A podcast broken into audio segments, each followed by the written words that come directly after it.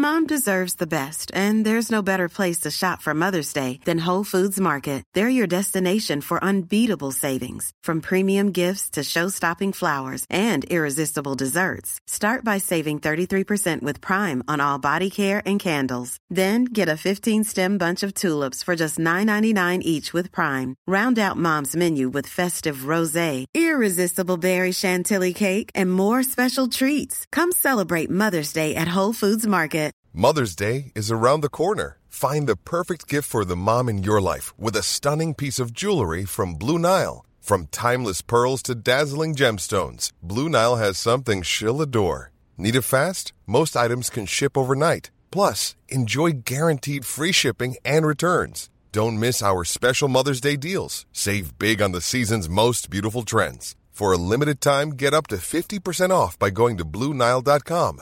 That's BlueNile.com.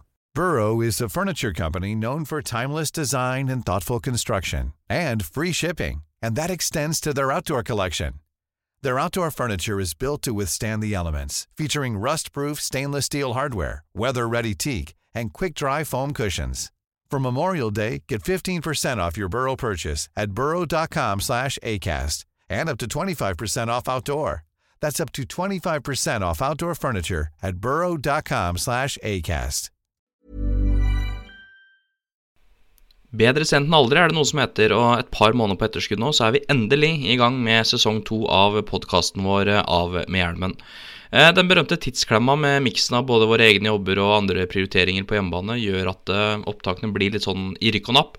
Men eh, vi åpner med et brak, tenker vi nå, med driftingkongen Fredrik Aasbø på andre siden av bordet. Og det ble jo litt av en start på andre sesong, må jeg vel kunne si.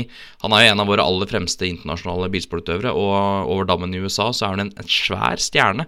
Så han er en veldig kul fyr å, å prate med, og samtidig er vi sikre på at alle som primært forholder seg til klokkebasert bilsport, likevel vil forstå litt mer hva som er driftingens konkurranseelement, og hva som skiller de beste fra de nest beste. Det opptaket her er for øvrig gjort 17.1, så ha gjerne det i mente dersom noe av aktualiteten bak noen temaer er blitt litt borte. F.eks. at sesongen allerede har starta i Formula Drift, som han kjører. Men eh, tusen takk for at du lytter til Av med hjelmen, og det er bare å glede seg til første episode av sesong to, som kommer her.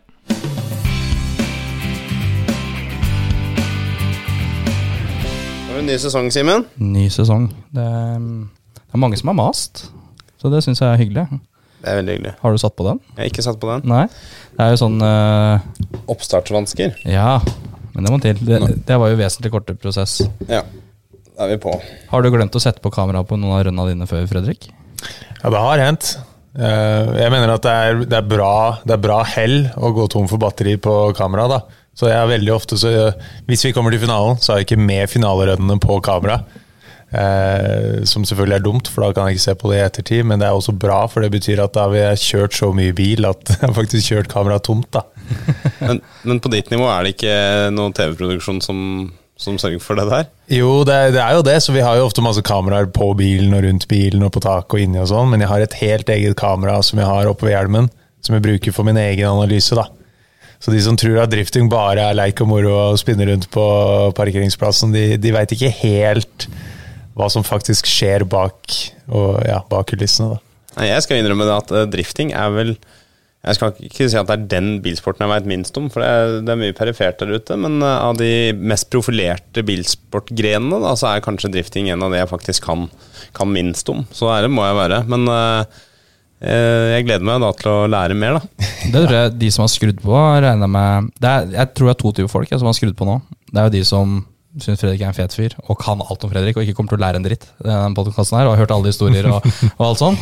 og så er det de som er som deg, kanskje, som er litt sånn åpen sinn. Fordi jeg syns jo Fredrik stad, Altså, du har vært kjent i, i norsk eh, idrett og norsk bilsport lenge, men jeg tror, vi, jeg tror folk stadig har blitt mer kjent med grenen din nå, og hva du egentlig driver med. Og at du ikke bare er en, en poppis i Statene og er sponset energidrikkmerke og er en kul fyr. Jeg tror vi vet litt mer hva du faktisk driver med òg, så jeg tror det er mange av de som nå vil lære mer om driftingen nå.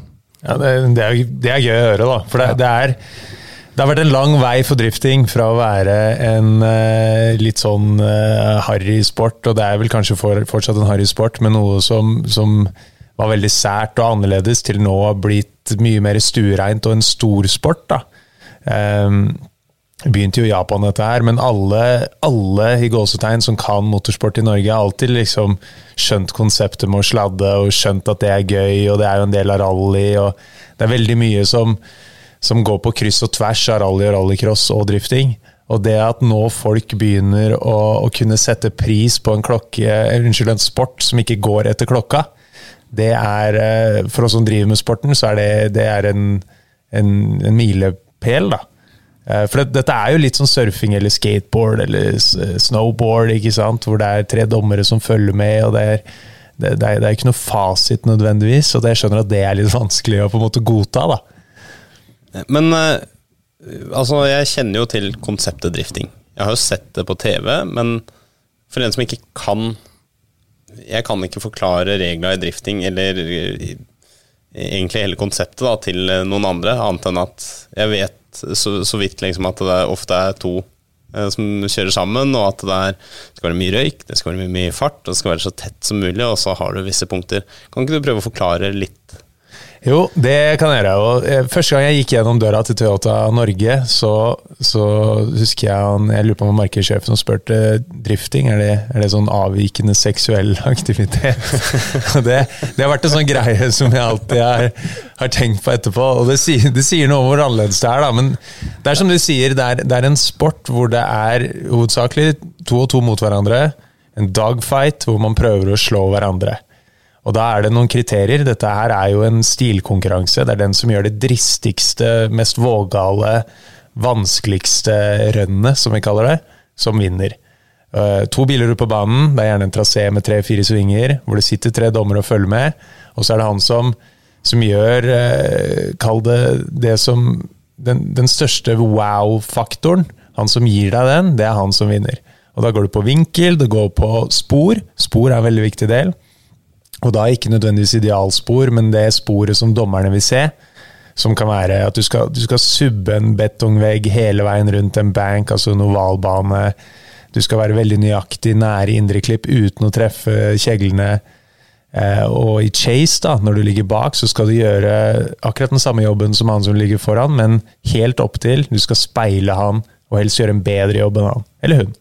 Så det er eh, det er eh, på en måte en, en eh, På en måte så er det kunstløp, men på en annen måte så er det 2000 hestekrefter utpå der som bruker opp dekka på 50 sekunder, og i chase så ser du ofte ikke noe fordi du er inne i røyken. Så det er, det er i så fall veldig, veldig eh, Hva skal jeg si Et macho kunstløp i så, så tilfelle. Er det ikke litt sånn at i drifting Chase, eller han som er i lead, da lead, altså, Jeg som skal oversette det på norsk, det sliter jeg med å skrive saker. Han som ligger først, og ja, som ligger le- Lederføreren, jagerføreren, eller ja, altså, men, men han som ligger først, da, altså, det er han som Han setter jo farta, ikke sant? Det er han som kan du si er racerføreren her, da. Altså, eller klart, Man er jo innom begge, men den har jo ansvaret for å være racerføreren. Jeg føler han som ligger bak, er mer den der teknikeren. Det er, kanskje, er, du, er du dritgod i rally, så er du kanskje en bedre, bedre chasefører da, enn en racingfører. Som, altså Hvis vi skal dra det i den retningen, da, hvilke ferdigheter som kreves. fordi det er helt vill presisjon som kreves spesielt av chaseføreren, tenker jeg, fordi du skal ligge så tett oppi uten å krasje, og du skal speile en bil. Nesten uavhengig av vanlig. Det, jeg syns jo det ser mest krevende ut, da, å være, være i jagerposisjon. Ja, det, det er i hvert fall to helt forskjellige ting. For det er, eh, I lead så bruker du referanser sånn som man gjør i, i rally eller rallycross eller racing. Du har dine referanser på banen. Eh, vi, vi har jo ikke noe mulighet til å varme opp. Her må jo alt sitte fra du kjører det rønnet. Det er litt som en skihopper som tar avsats. ikke sant? Alt må klaffe på det ene rønnet. Men i chase så blir det Jeg vet ikke helt hva man kan sammenligne det med, fordi da har du på en måte et, et, et clipping point eller en referanse som flytter seg. da. Jeg vil si at det er som å være en rallyfører som ikke har vært på gjennomkjøring og kjører uten noter. For du Ja. veit ikke hva som kommer, egentlig. Tenk, I hvert fall sånn som jeg ser det fra, som en fan. Da. Ja. Fordi det, hvordan, Jeg skjønner ikke åssen han, han som ligger i chase, og han, han klarer og Du er jo helt rå på chase, det skal sies. Gå på YouTube og se Fredrik i chase-posisjon. Altså, Du ligger så nærme, du. Jeg skjønner ikke åssen du klarer å beregne det. Å ligge så speilende og så likt og så tett. Takk for det. Men det, her, det, har, det har vært en lang vei dit, og det har vært perioder og, og deler av min karriere hvor jeg ikke var god på det, og beviselig ikke var god på det. Eh, Og jeg har måttet jobbe mye med det for å virkelig trene på chase og bli god på chase. Noe av hemmeligheten der er å være norsk og få lov å gjøre mye iskjøring. Da trener jeg så mye chase jeg kan.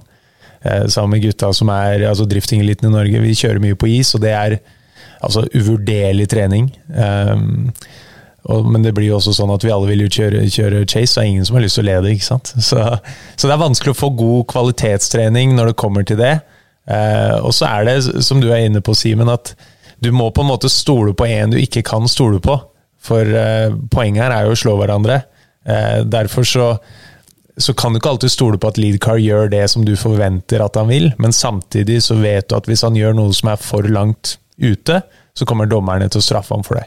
Og Det er liksom det spillet der, og den jeg, jeg, jeg pleier å si at jobben min er å være en eh, Det høres veldig kjedelig ut, men det er å være en risk-analytiker. Ikke sant? Det handler om hvor, hvor mye er det verdt å putte nesa inn der? Hvor mye er det verdt å ta i litt ekstra der? Er det verdt den risikoen, i tilfelle han gjør noe annet? Og Jeg føler det er akkurat det der som er det jeg er god på. Jeg er mye bedre på den jobben enn på det kjøretekniske, egentlig. Det er, jo, det er jo egentlig litt det der Det samme som er i racing, da. I starten av løp, første runde, første sving.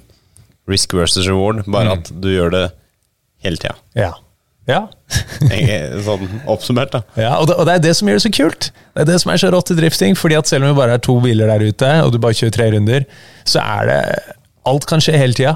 Og det er så mye krasjer, det er så mye eh, Nestenkrasjer, ikke minst. Um, og vi pleier å si at det er alle høydepunktene fra tradisjonell motorsport i én pakke, da, ikke sant? For det er jo dekkrøyk, det er jo Altså Hvor ofte ser du dekkrøyk i FN eller annen form for racing? Det er én gang, og det er han som har vunnet eh, etter han har gått over målstreken. Jeg tenkte faktisk på når jeg satt og så litt på YouTube. Eh, så tenkte jeg det her må jo være eh, Altså en debatt som raser nå, kommer til å rase i mange år. ikke sant? Det er det her med elektrifisering, lyd, lukt, bla, bla, bla. Så tenkte jeg det her må være kanskje den mm, mest, poli mest politiske ukorrekte bilsporten. da. Så det må jo være noe alle de som hater, som spyr av tanken på elbil, må Mm. elske drifting.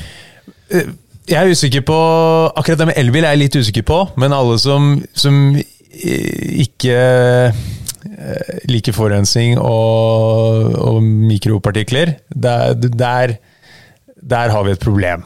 Og det er Jeg er usikker, for å ta den, da.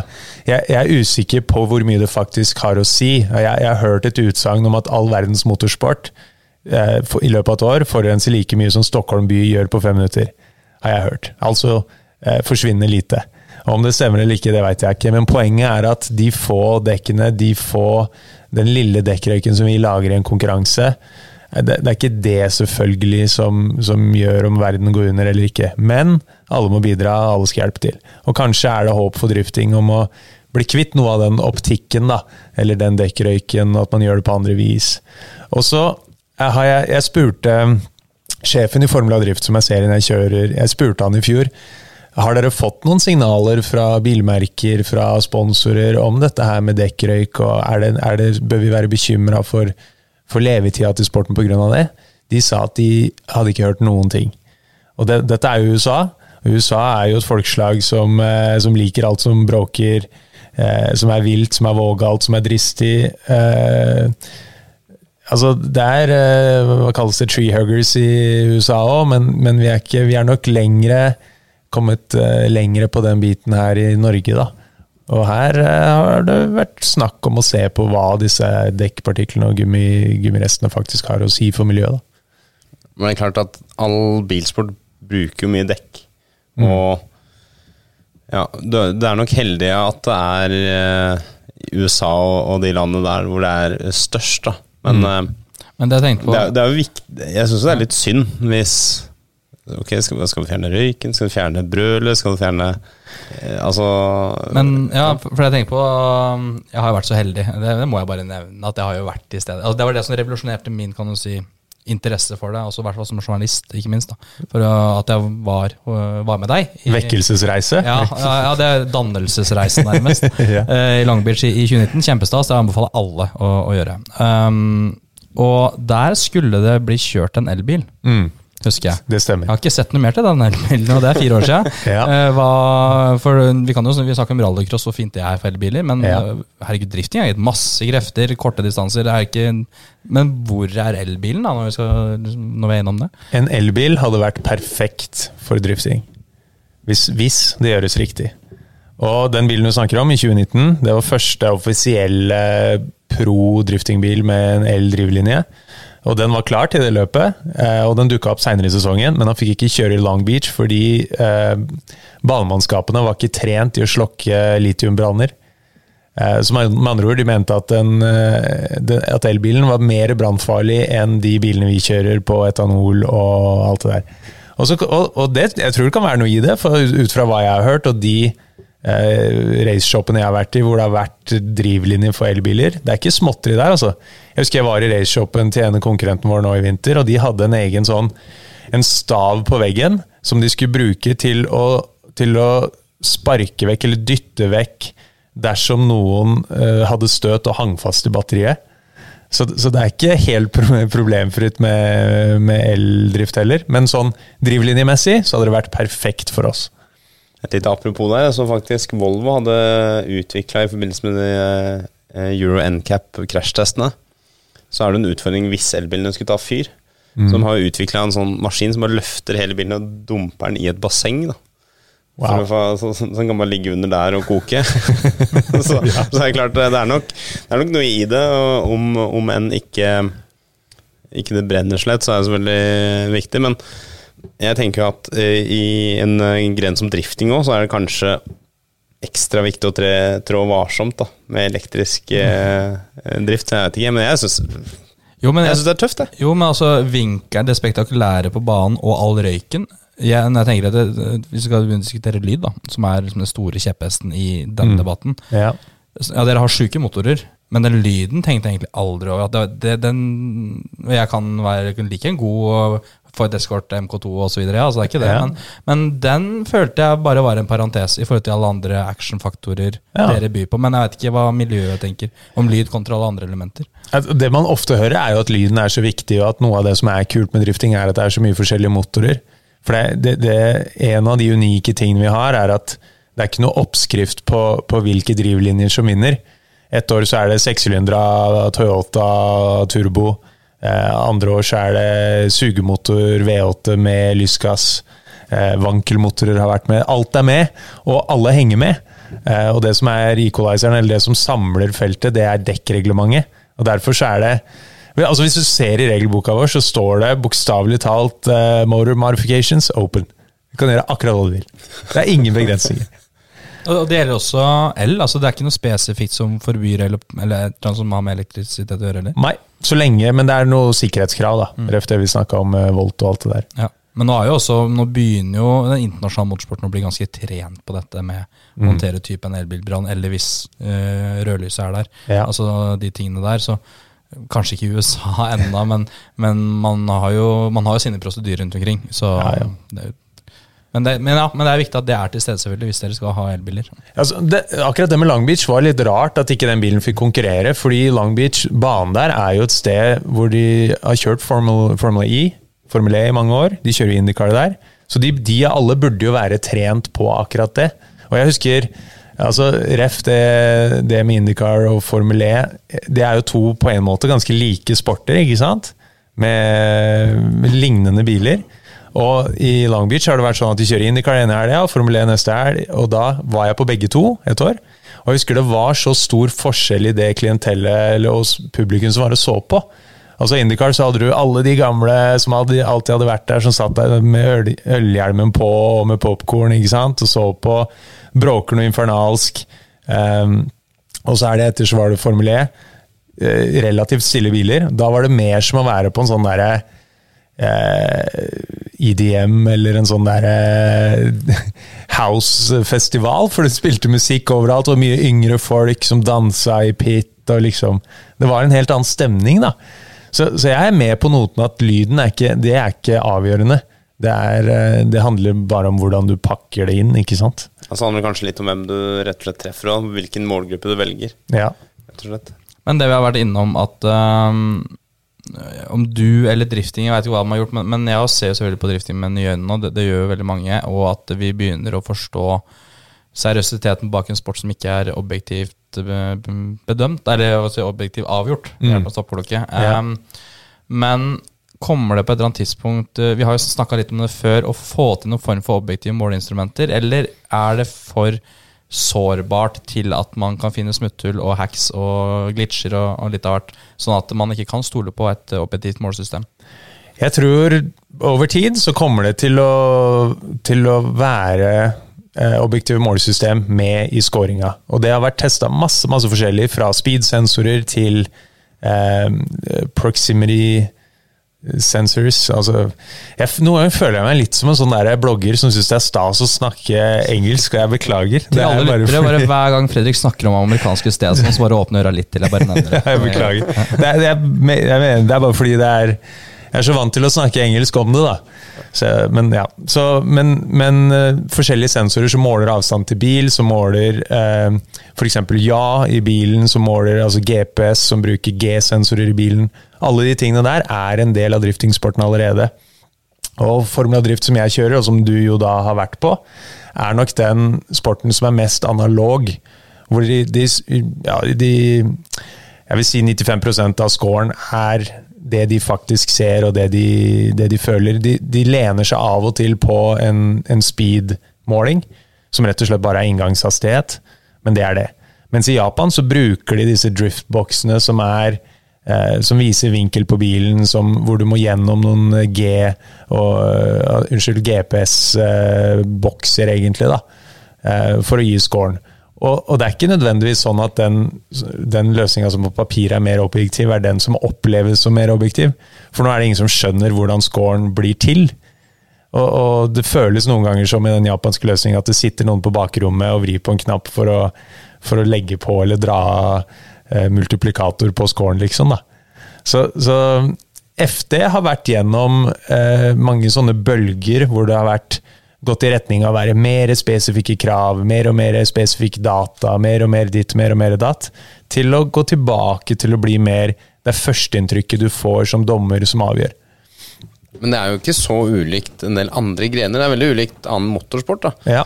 Men uh, uten at jeg er veldig bevandra i verken dans, uh, stup eller uh, sikkert noen hestesporter, så vil jeg tro at det er mye av tilsvarende der. Og, Ja. og så lista er sikkert uendelig lang da, av sporter. og gjør jo ikke nødvendigvis noe at det er analogt heller. Det kan jo bare være en del av pakka. Ja. Eh, og så kan man sikkert argumentere for at ja, det blir mer presist hvis det er sånn, det, men noe Jeg er jo litt fan av noe av det liksom, Vi holder ved det faste gamle, da. Med tre dommere og ja. Og så er det sånn som, som jeg har nevnt fra flere ganger, og dette med jo mer kjent jeg er blitt med sporten her nå, eh, basert på den dannelsesreisen, og at det er etter det faktisk, for det er så deilig i sendetider, hvis du er oppe litt senere enn klokka ti på kvelden, veldig deilig å hvile øya på Formel dritt på senga, for at det går gjerne sånn fra tidligere på kvelden og kanskje utover til tre-fire på natta her i Norge. Kommer litt Ja. an på hvor USA det kjører. Ja. Uh, og når jeg har sett det, så er det veldig ofte at um, Og jeg, jeg har bare sett det fra utsida, men jeg, veldig sjelden at dommerne er helt på vidda i forhold til hva jeg tror er utfallet. Um, og de er ofte veldig samstemte. Eh, så det virker som, i hvert fall fra utsida, at det her uh, Det er til å stole på. da Mm. Det er lett å oppfatte hva som er et godt rønn og ikke. I hvert fall fordi du alltid har en å sammenligne med. En kvalik hadde jeg nok slitt med å vurdere om du skal få 92 eller 98 poeng. Mm. For da er det vel 100 som er Eller begynner man ikke på 100, og så bare trekker man? Er det ikke litt sånn det funker? Men, Stemmer det. men der, der sliter nok jeg, eh, og sikkert mange. Men når du har Altså når det er head to head, da, så har du alltid en å sammenligne med. Så jeg, sånn sett merker jeg at det er jo lett å, å forstå utfallet. Ja, jeg er helt enig. Og, og, men hvis du ser på kommentarfeltet da, i, eh, på en stream, så er det eh, sinnssykt mange som er uenige med dommerne. Eh, og noen føler det som det føles som de er kategorisk uenige, uansett hva dommerne sier. Men majoriteten og de som avgjør, og de som er i sporten, sponsorene, alle de vil jeg si at i store trekk er enig stort sett i de avgjørelsene som blir gjort. Hvis ikke så hadde de ikke vært der. ikke sant? Derfor er det veldig gøy å høre at en som deg, da, som kan motorsport, som virkelig kan det, og som kommer inn eh, litt som på jomfruelig vis og aldri har sett det før, fort får fot for det og skjønner greia, det er et kvalitetsstempel, ikke sant? Så, så jeg føler at det er, um, det er liv laga den måten det blir gjort på. Og så det, handler det bare om å ha de beste dommerne som er mest hva skal jeg si, skikka til å, til å dømme. da. Og Det betyr ikke nødvendigvis at det, det må være ekssjåfører sjøl, men at det er de som virkelig bryr seg har passion for det. ikke sant?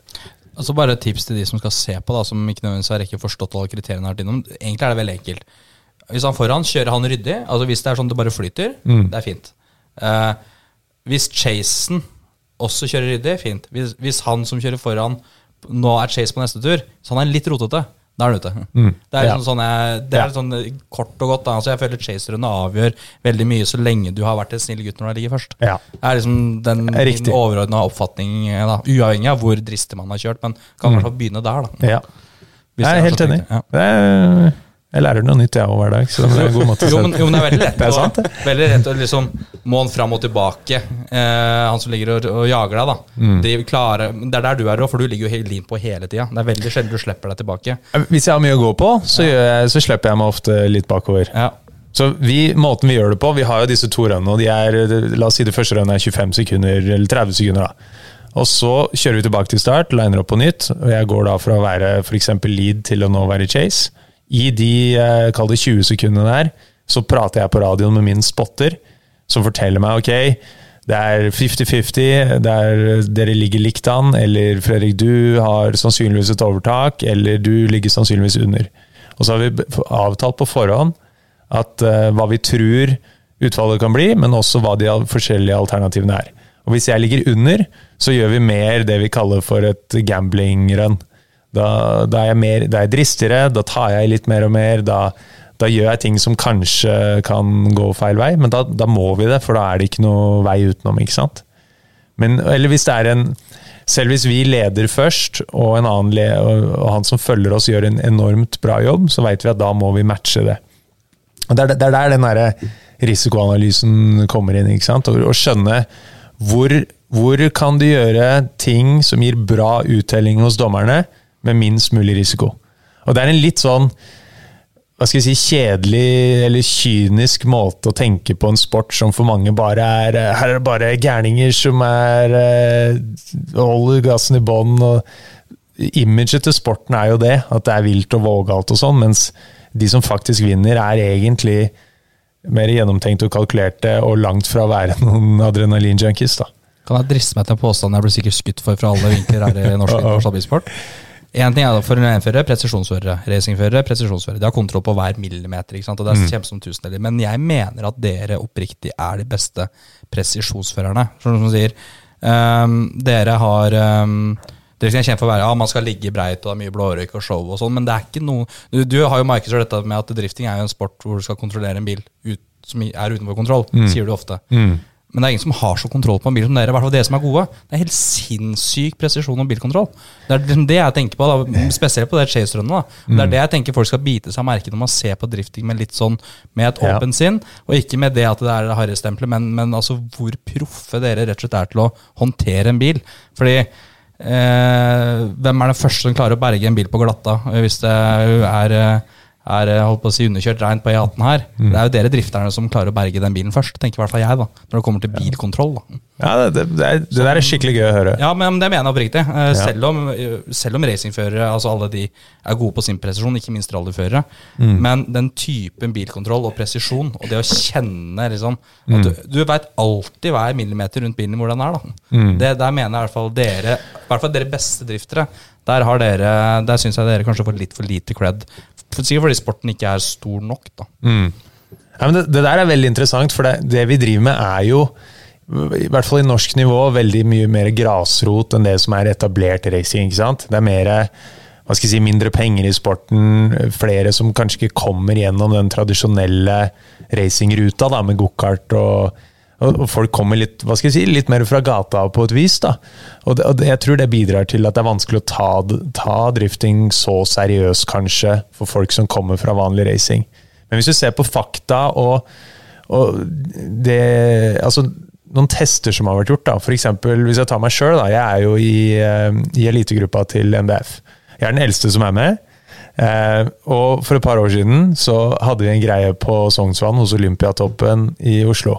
Og vi gjorde masse fysiske tester, og visuelle og reaksjonstester. Og det var veldig interessant. Da var jo selvfølgelig Dennis Hauger der. Vi hadde liksom hele A-laget av de nye unge Altså et Norges beste motorsportsutøvere som er unge. Og meg, da. Som da var 35. Eh, jeg falt gjennom på veldig mye av det fysiske sammenligna med alle de. Og jeg, jeg, har vært i mye bedre form før enn jeg var den gangen. Og, og, kunne også gjort en mye bedre jobb i, i forhold til å være i god, god form. Så jeg falt gjennom på mye av det, men i det reaksjonsmessige så var jeg topp tre av alle de. Og da gjorde vi en del sånne skjermtester hvor vi skal følge med på en del objekter som flytter på seg. Vi gjorde sånne eh, Jeg husker ikke hva det kalles, men sånne lys som, som, ja, eh, som du skal reagere på. da. Og Det var litt interessant, og det føler jeg sier en del om sporten. da, At det er ikke viktig for oss å være fysisk fit for å kjøre 50 minutter i en formelbil. Vi kjører 30 sekunder av gangen i en bil som i praksis eh, bestemor kan kjøre lett. Men vi må være der når det gjelder, og vi må reagere på de tingene som skjer. Og vi må være supernøyaktige og raske til å hente oss inn hvis føret annerledes. da. Så, så, i den sammenheng så, så, støtter jo det opp under det du sier, Simen. Ja, apropos det med en bil som bestemor kan kjøre. Vi må innom en artig ting her, Aleksander. Fra 2017 jeg vet ikke, men du dukker opp med en Corolla i form av drift, og alle stiller opp med Supra og 200 S6-er og Mustanger og Vipers og litt av så kommer du med en Corolla. Ja. Hva er greia bak å bygge en eh, Corolla med 1000 hester bakhjulstrekk? Det er litt kult å, å, å, banke ut en Ferrari og en uh, Viper i en Toyota Corolla, da? Er det ikke det? jeg er helt enig. det, det er uh, Reglementet er laga sånn at du kan hevde deg, altså beviselig, så kan du hevde deg med en Corolla i et sånt felt. Og det er fordi dekka er det som virkelig avgjør. Og det er, eh, Den jobben vi gjør for Toyota, er jo å være markedsføringsverktøy ikke sant, for Toyota. Og så har vi skjønt at det chassiset der har en, egentlig en veldig bra bakstilling som egner seg til det vi gjør.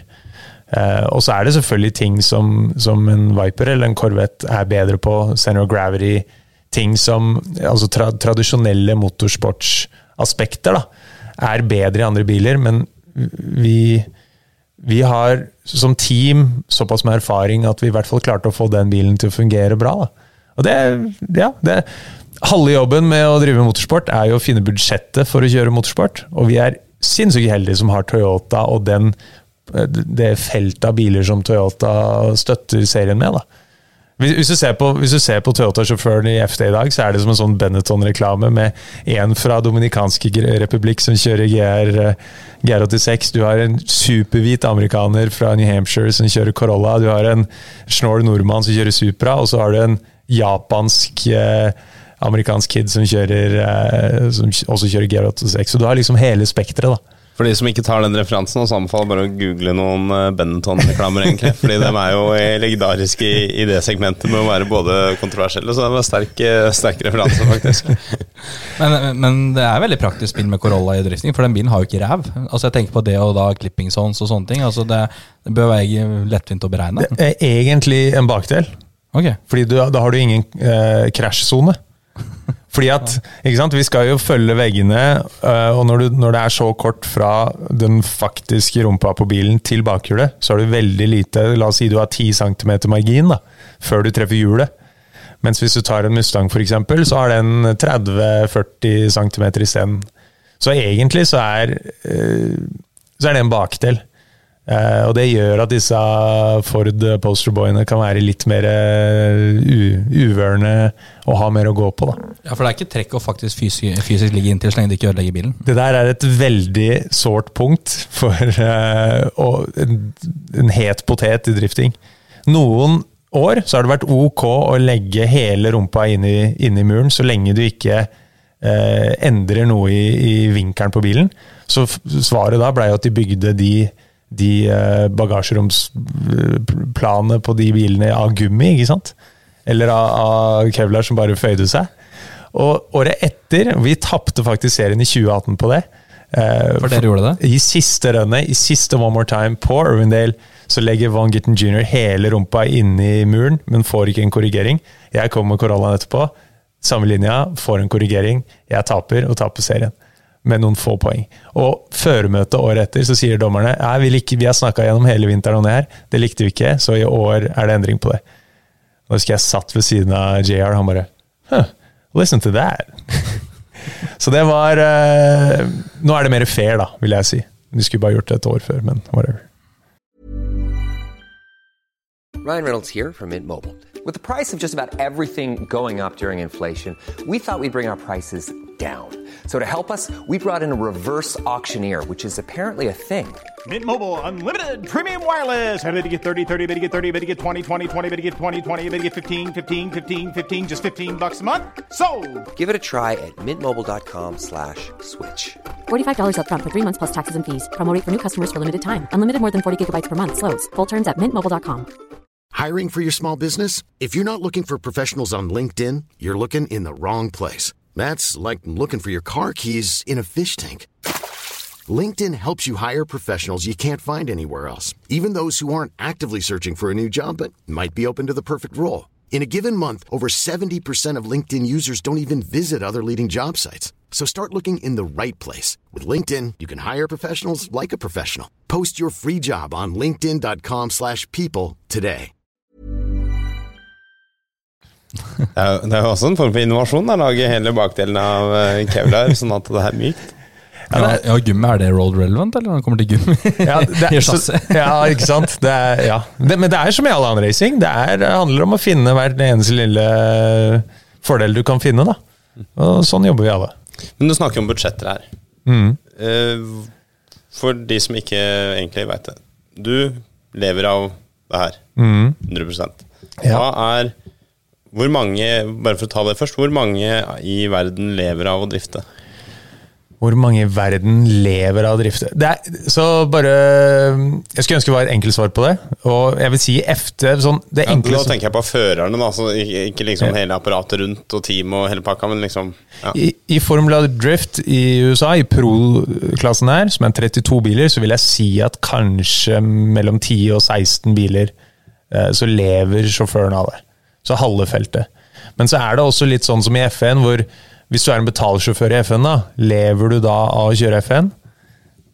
Spørs hvem som betaler bet ja, Det hender jo Det hender jo det er et lite, lite budsjett til de betalførerne som også går til lommepenger til føreren, da. Ja, er, Lever han da av det? Ja, jeg vet ikke. Gjør Få vel spille, Lance det. Stroll. Ja, ja, Lance tror Stroll, synes det er greit. Ja. Ja. Nei, så, og, og sånn, men sånn, litt sånn begynner det å bli drifting nå. At det er, kall det familie med penger. Eh, at man kjøper seg litt mer veien inn enn at det kun satses på talent, da. Ja, men hvis man skal tenke litt enkelt, da. Hvor mange eh, Hva yrke kolon drifter? Mm. That's it. Det er det man gjør, liksom. Jeg tipper på verdensbasis. Ja ja, kanskje det er 100, da. Ja. Kanskje. Så det er ganske trangt nåløy du også har klart å komme gjennom, da, i likhet med veldig mange andre bilsportutøvere som når toppen. da Ja. Eller, ikke veldig, altså, det var en veldig rar setning, egentlig. Jo, nei, men eh, men- poenget er satt av. Altså, Ja. veldig vanskelig nåløy, det også, da. Ja. ja da, det er det. Og jeg, jeg hadde veldig flaks, da. For da jeg kom inn, så var det, det var mye lettere å komme seg inn. Jeg hadde, men jeg var liksom en av de første til å prøve, da, fra Norge. Og jeg gjorde det på, med lite penger. Eh, brukte studielånet fra skoletida på å sende bilen over. Fikk meg kompiser som har hjulpet meg enormt mye. Eh, prøvde lykken, rett og slett. da. Og det, og det funka. Eh, og jeg hadde flaks med at i 2011 så skulle Tanner Faust gi seg i det teamet, og jeg var den som hadde kanskje sett mest sulten ut det året før. da. Og da fikk jeg telefon, og havna i det teamet, og har vært der siden. Og det er litt sånn eh, Man må være på rett sted til rett tid. Um, ha flaks med det, samtidig som man må legge inn innsatsen eh, som skal til. da. Og, og i dag, den dag i dag så er det veldig mange som spør meg, jeg får sikkert daglige henvendelser om eh, kan ikke du fortelle meg hvordan får jeg sponsor i drifting, hvordan skal jeg få det til. Noen er nok nærmere å få det til enn andre. Det er mange som bare slenger det ut som har sett drifting en gang. Og Før så pleide jeg å gi dem hele oppskriften på at kjøp en enkel bil, gjør sånn og sånn, jobb med det og det og det. Nå pleier jeg stort sett bare å si at det, du må ville det så mye at du drømmer om det om natta. Da finner du ut hvordan du skal gjøre det. Og Det er jo så vanskelig og så enkelt. Hvis, vil, hvis det er det eneste du vil, det er det eneste du bryr deg om, så finner du en måte å få det til på. Men den linken med Townfra, så er det derfor det står Rockstar på det meste av dine synlige ting? Uh, ja og nei, fordi vi ville jo gjerne få med Rockstar på, på satsinga med en gang. Men det skjedde ikke. Tanner tok jo med seg alle, hele sponsorbudsjettet til Rockstar selvfølgelig da han reiste. Så de tok fire-fem år før vi fikk Rockstar. Det var da han begynte med rallycross, var det ikke? Jo. Ja. Han hadde vel kjørt noen runder før, men da ble det rallycross fulltid, da. Stemmer. Og Tanner var vel Er han to ganger Formel? Ja. ja. Du er jo da sammen med to andre trehjul, så du Mm. er jo, tar deg til nå, da, så er du aleine på toppen. Ja, det, ja, det har jeg ikke tenkt på. Det er vel James Dean og Chris Forsberg. Chris Forsberg, ja. Du, hva, man sier vel Du er så god på amerikansk, man sier vel heller Chris Forsberg. Ja, nettopp. Men har han noen nordiske andre, eller? Jeg lurer på om jeg har spurt Chris en gang, jeg husker ikke helt hva han sa, men han må vel ha det, tror jeg. Han må være det sikkert et resultat av vikingtokt over i staten eller noe. Han er i hvert fall erkeamerikansk sjøl, da. Ja. Men James Dean derimot, han er jo ire. Eh, og det jo viser jo litt om at um, Formel drift er jo tross alt eh, Dere har ikke noe formell VM-status, Mm. så for oss som er veldig petimeter på sånn, så kaller ikke vi deg for verdensmester. Nei. du anerkjennes selvfølgelig som, som Fordi det er vel en bred enighet i verden om at Formel drift er vel on the top. Klart Japan har ganske høyt nivå, men det er jo Formel drift Det er vel liten over alle liter, er det ikke det? Jo, det, er, det igjen kommer litt an på hvem du spør. Spør du en japaner, får du kanskje et annet svar. Men, men det er FD, altså Formel Drift, de fleste vil til.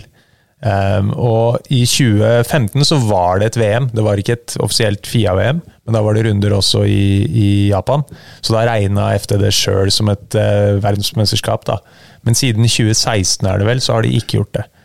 Um, Men det er mer enn bare amerikanere og én nordmann på startstreken. Absolutt. Så det er fra hele verden, og vi har hatt diamanthandlere fra Afrika, og vi har hatt uh, ja, folk fra Sørom, ja, overalt egentlig, da. Og det er en herlig blanding av uh, Herlig blanding av folk, det må jeg bare si. Det er noe av det kuleste med å konkurrere der borte, er det mangfoldet av kulturer og folk og ting og tang og galskap. Men da sitter jeg og tenker på hvem er det som sitter og bestemmer at eh, Sitter på rettighetene til å kalle det et VM? Ja, det, blir definisjonsspørsmål, ikke sant? Ja, det blir jo Altså, vi, vi i Europa er jo vant til at ok, offisielle VM, det får vi fra FIA. Ja. Og FIA er jo ikke involvert i det her, så vidt jeg vet. Jeg vet ikke hvordan FIA tar tak i det her i Europa. Ja. FIA har jo Det har vært en arbeidsgruppe hos FIA som har tatt tak i drifting siden eh, sikkert ja, mellom fem og ti år siden. Og eh, FD er jo en del av den gruppa. FIA har jo sitt eget eh, FIA Games, er det det heter? Motorsport Games. Motorsport Games. Ja. Og hvor drifting er en del av det. Og FIA er jo involvert i disse europeiske seriene med Drift Masters, og, og for så vidt også i Norge. Eh, men amerikanerne på, på sin side er jo litt sånn eh, De er ikke like eh, Hva skal jeg si Jeg skal ikke si at de ikke er glad i FIA, men de, De, har sin hater egen FIA, det vet jeg. Og amerikanere hater FIA. Punktum. Ja. Sånn er det. Ja. Så jeg opplever FD litt sånn at hva skal vi med FIA, liksom? Er det, de vil jo Da blir det jo vi, vi trenger jo ikke det, vi klarer det fint på egen hånd. Amerikanere er jo, altså, de er jo number one, de, i- ifølge dem sjøl. Ja, for, for det er vel kanskje det som blir et slags hinder, da. Fordi sånn som i, i Norge, da, så er loven sånn at eh, bilsport skal være regulert av Norges Spillsportforbund, Og Mm. det er regulert av FIA. Ja. Og jeg ser jo for meg at det er flere land som har det sånn. Mm. Så, det, så det kan jo være at eh, det rett og slett er eh, Det, det blir litt stopp i systemet der da, for å få det derre Mm. verdensmesterskapet, men det er ikke sikkert Altså Det er ikke gitt at en sport som drifting er tjent med å uh, gå utover det. For det er jo allerede en enormt stor sport, og den når uh, store deler av verden. Da. Selv, si- selv om du ikke liksom er på Paul Ricard og ja, eh, Mm. Barcelona og, og det der. da Men det kan jo sies at de endra motorsportforskriften litt nå, så det er jo åpning for at flere forbund kan være inne. Det er jo en, det er en stor debatt i norsk bilsport, men, Mm. men uh, det har ikke blitt praktisert som veldig ennå. Det er stifta nytt forbund osv., men, men det er relativt dødt foreløpig. Men i USA så er det jo IMSA er det største ikke sant, som, Mm. av forbund, kan vi si. Og IMSA-mesterskap. og men der kom kommer jeg til kort nå på hvor uh, Formel Drift er under. For jeg har også SSCA, eller SCCA er vel et eget greie, tror jeg. Også, men det er flere sånne i USA. Men hvor er Formel Drift i det hierarkiet her? Jeg vet i hvert fall at de har med SFI å gjøre, Ja, ja. SFI, men det er mulig det er med på sikkerheten. Det er jeg ikke sikker på. Eh, Jeg har hørt SCCA, men jeg er faktisk ikke sikker jeg, på om de er under et forbund som det. Ja, for Formel Drift det er, har jo ikke noe med IMSA å gjøre, så vidt jeg vet. Nei. Nei. Nei, det, det er ikke det, altså. Så jeg vet at PRI, som, som jo er eh, Kall det sånn bransjeorganisasjon, er, er involvert med FD. Men jeg, jeg er jo bare, jeg er bare sjåfør, jeg. jeg Men, men i USA så er det jo kan vi si at det fins en del ymse motorsporter. Vi snakka med Henrik Elvestad blant annet om det der. Nå kan du finne ut at eh, ok, vi er et nabolag her som har eh, bygd motoriserte badekar. Lager mesterskap i det.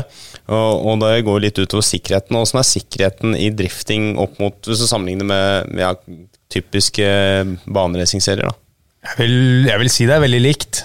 Det er eh, Burene er veldig like et uh, Fia-bur. Vi bruker jo selvfølgelig Jeg bruker jo hybrid sjøl, mange bruker Hans. eh, Halo, eller også ørelappstoler. Eh, så det er veldig likt. Um, det er klart, det er jo litt sånne særamerikanske ting. Det er ikke vinduer ofte, så vi kjører med sånne arm, armstropper og uh, Ja. Det, har, det er vel et par ganger hvor jeg har tenkt at her burde vi sikkert uh, ha padda banene litt bedre, og jeg holdt på å få noen spoilere inn i bilen og litt sånn forskjellige ting. Så ting kan skje, altså. Ja, For dere har jo åpne sider ute for ikke først slippe røyken ut. Egentlig greit, er det ikke det? Jo, og, og varmen, eh, ikke minst. For det blir uh, Når du kjører ned i sørstatene midt på sommeren, det blir godt og varmt inn i en sånn bil da, altså. Selv om vi ikke kjører så lenge av gangen. Så, og så er det lett å vinke til publikum, da. Det er jo en uh, viktig greie i amerikansk sport. Lett lett å vinke til publikum, og eneste støyreglementet er uh, ingen lyddempere. Er, tenk på liksom alle, alle disse rundene vi har gått for å få crosskarten, som jeg kjører. For Ja. bare Det bråker for mye, liksom. Mm. Gått 100 runder med regelendringer og lyddempere. Og sånn, og så bare hører på drifting.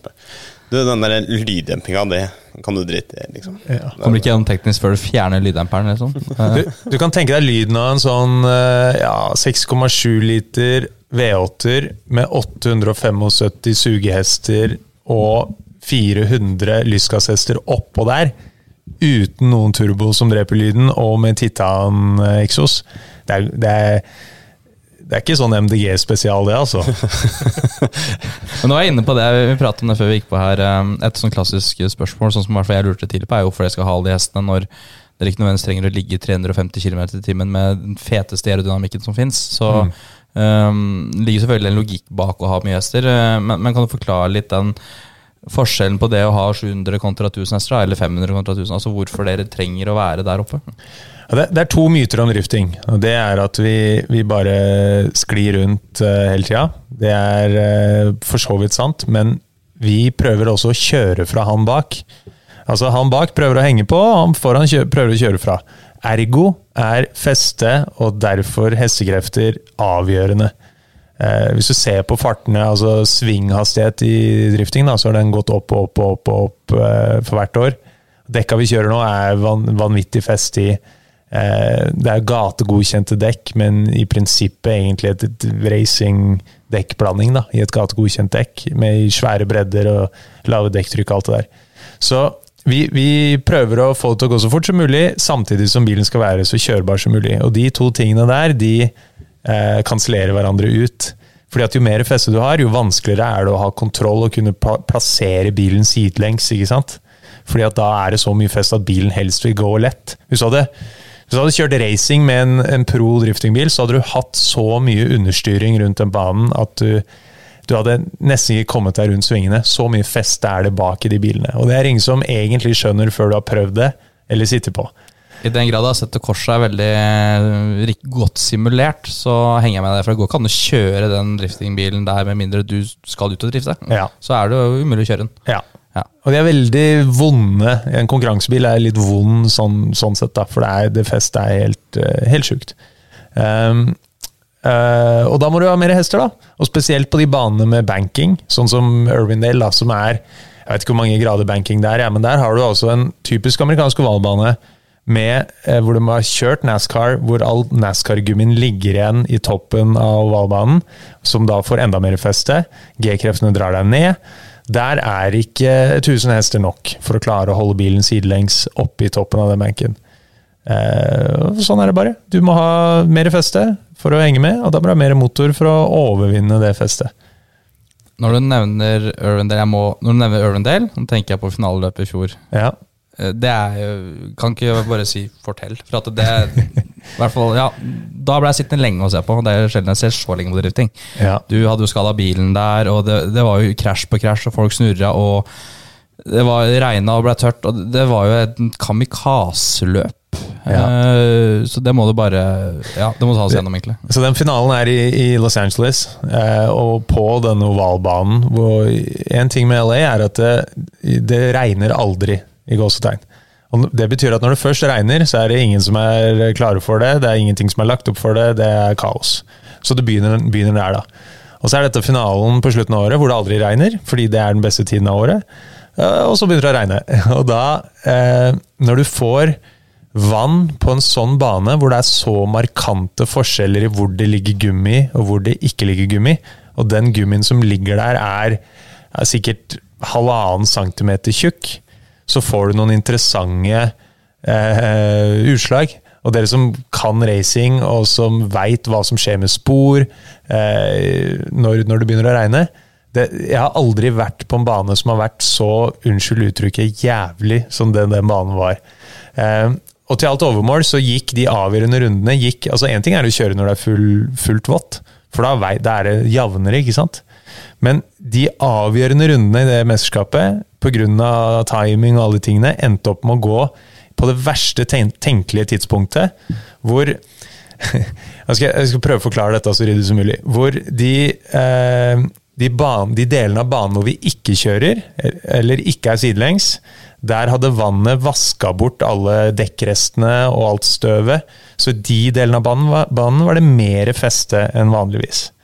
På de delene av banen hvor vi vanligvis kjører, det ergo der hvor det er gummi, så har vi gjennom tidens tann vi har revet i filler det, det dekkgummilaget som ligger der, så du har små lommer som, som holder på vannet. ikke sant? Og når vi da kommer, det, det, det har tørka såpass at mesteparten av banen er tørr. Det ligger kun vann igjen i disse lommene.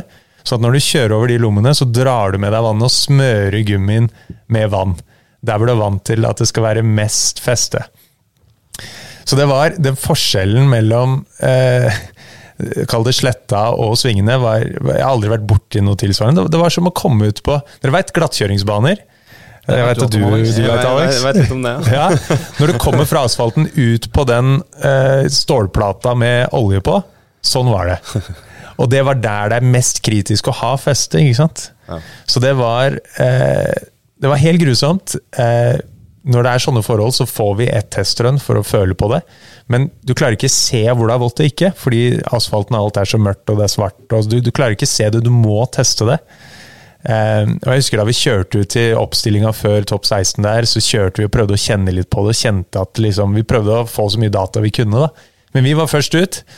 Sendte inn bilen inn i første sving i den uh, første warm-up-runden. og Skjønte at her er det her, her må vi faktisk ikke gjøre det dommerne vil at vi skal gjøre.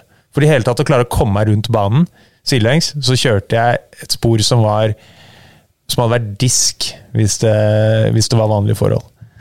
Og vi gjorde det, og flere av motstanderne endte opp med å ikke gjøre det. Endte opp med å knuse bilene, ja, tre-fire stykker av dem. Er det sånn du egentlig vant Formel Drift, med tanke på Ja. Matt Field da røyk ut så tidlig som han gjorde? Det var absolutt avgjørende. Og Matt, som var, Matt Field, som er vår hva skal jeg si, store, i hvert fall den sesongen, den store konkurrenten i serien, han gjorde en strøken jobb hele året. De seks første rundene. Helt strøkent. Eh, lå, var, altså var on track til å vinne, og velfortjent så. Runde seks så rakner det litt for han. Kommer da inn i runde unnskyld, runde sju, så rakner det. Runde åtte, det av finalen, da gjør han kardinalfeilen. Han kjørte et i den testrunden, så kjører han en trygg linje og kommer seg helskinna gjennom.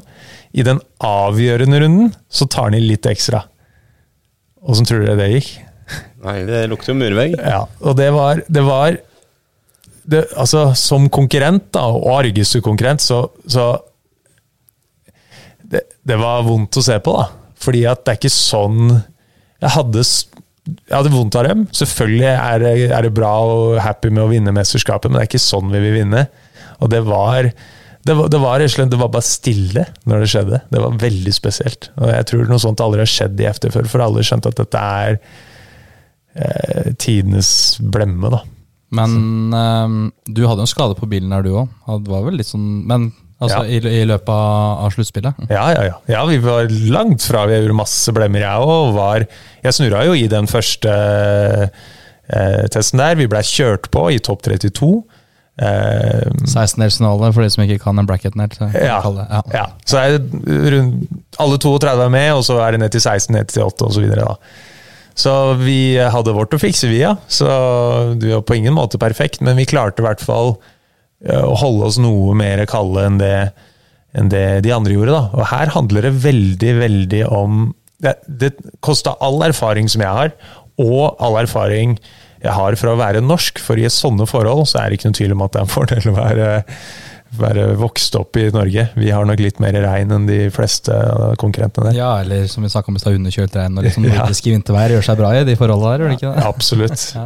Men, men de, den banen var altså Det var selvmord å kjøre utpå der, og det var eh, Ja. Det var Ja.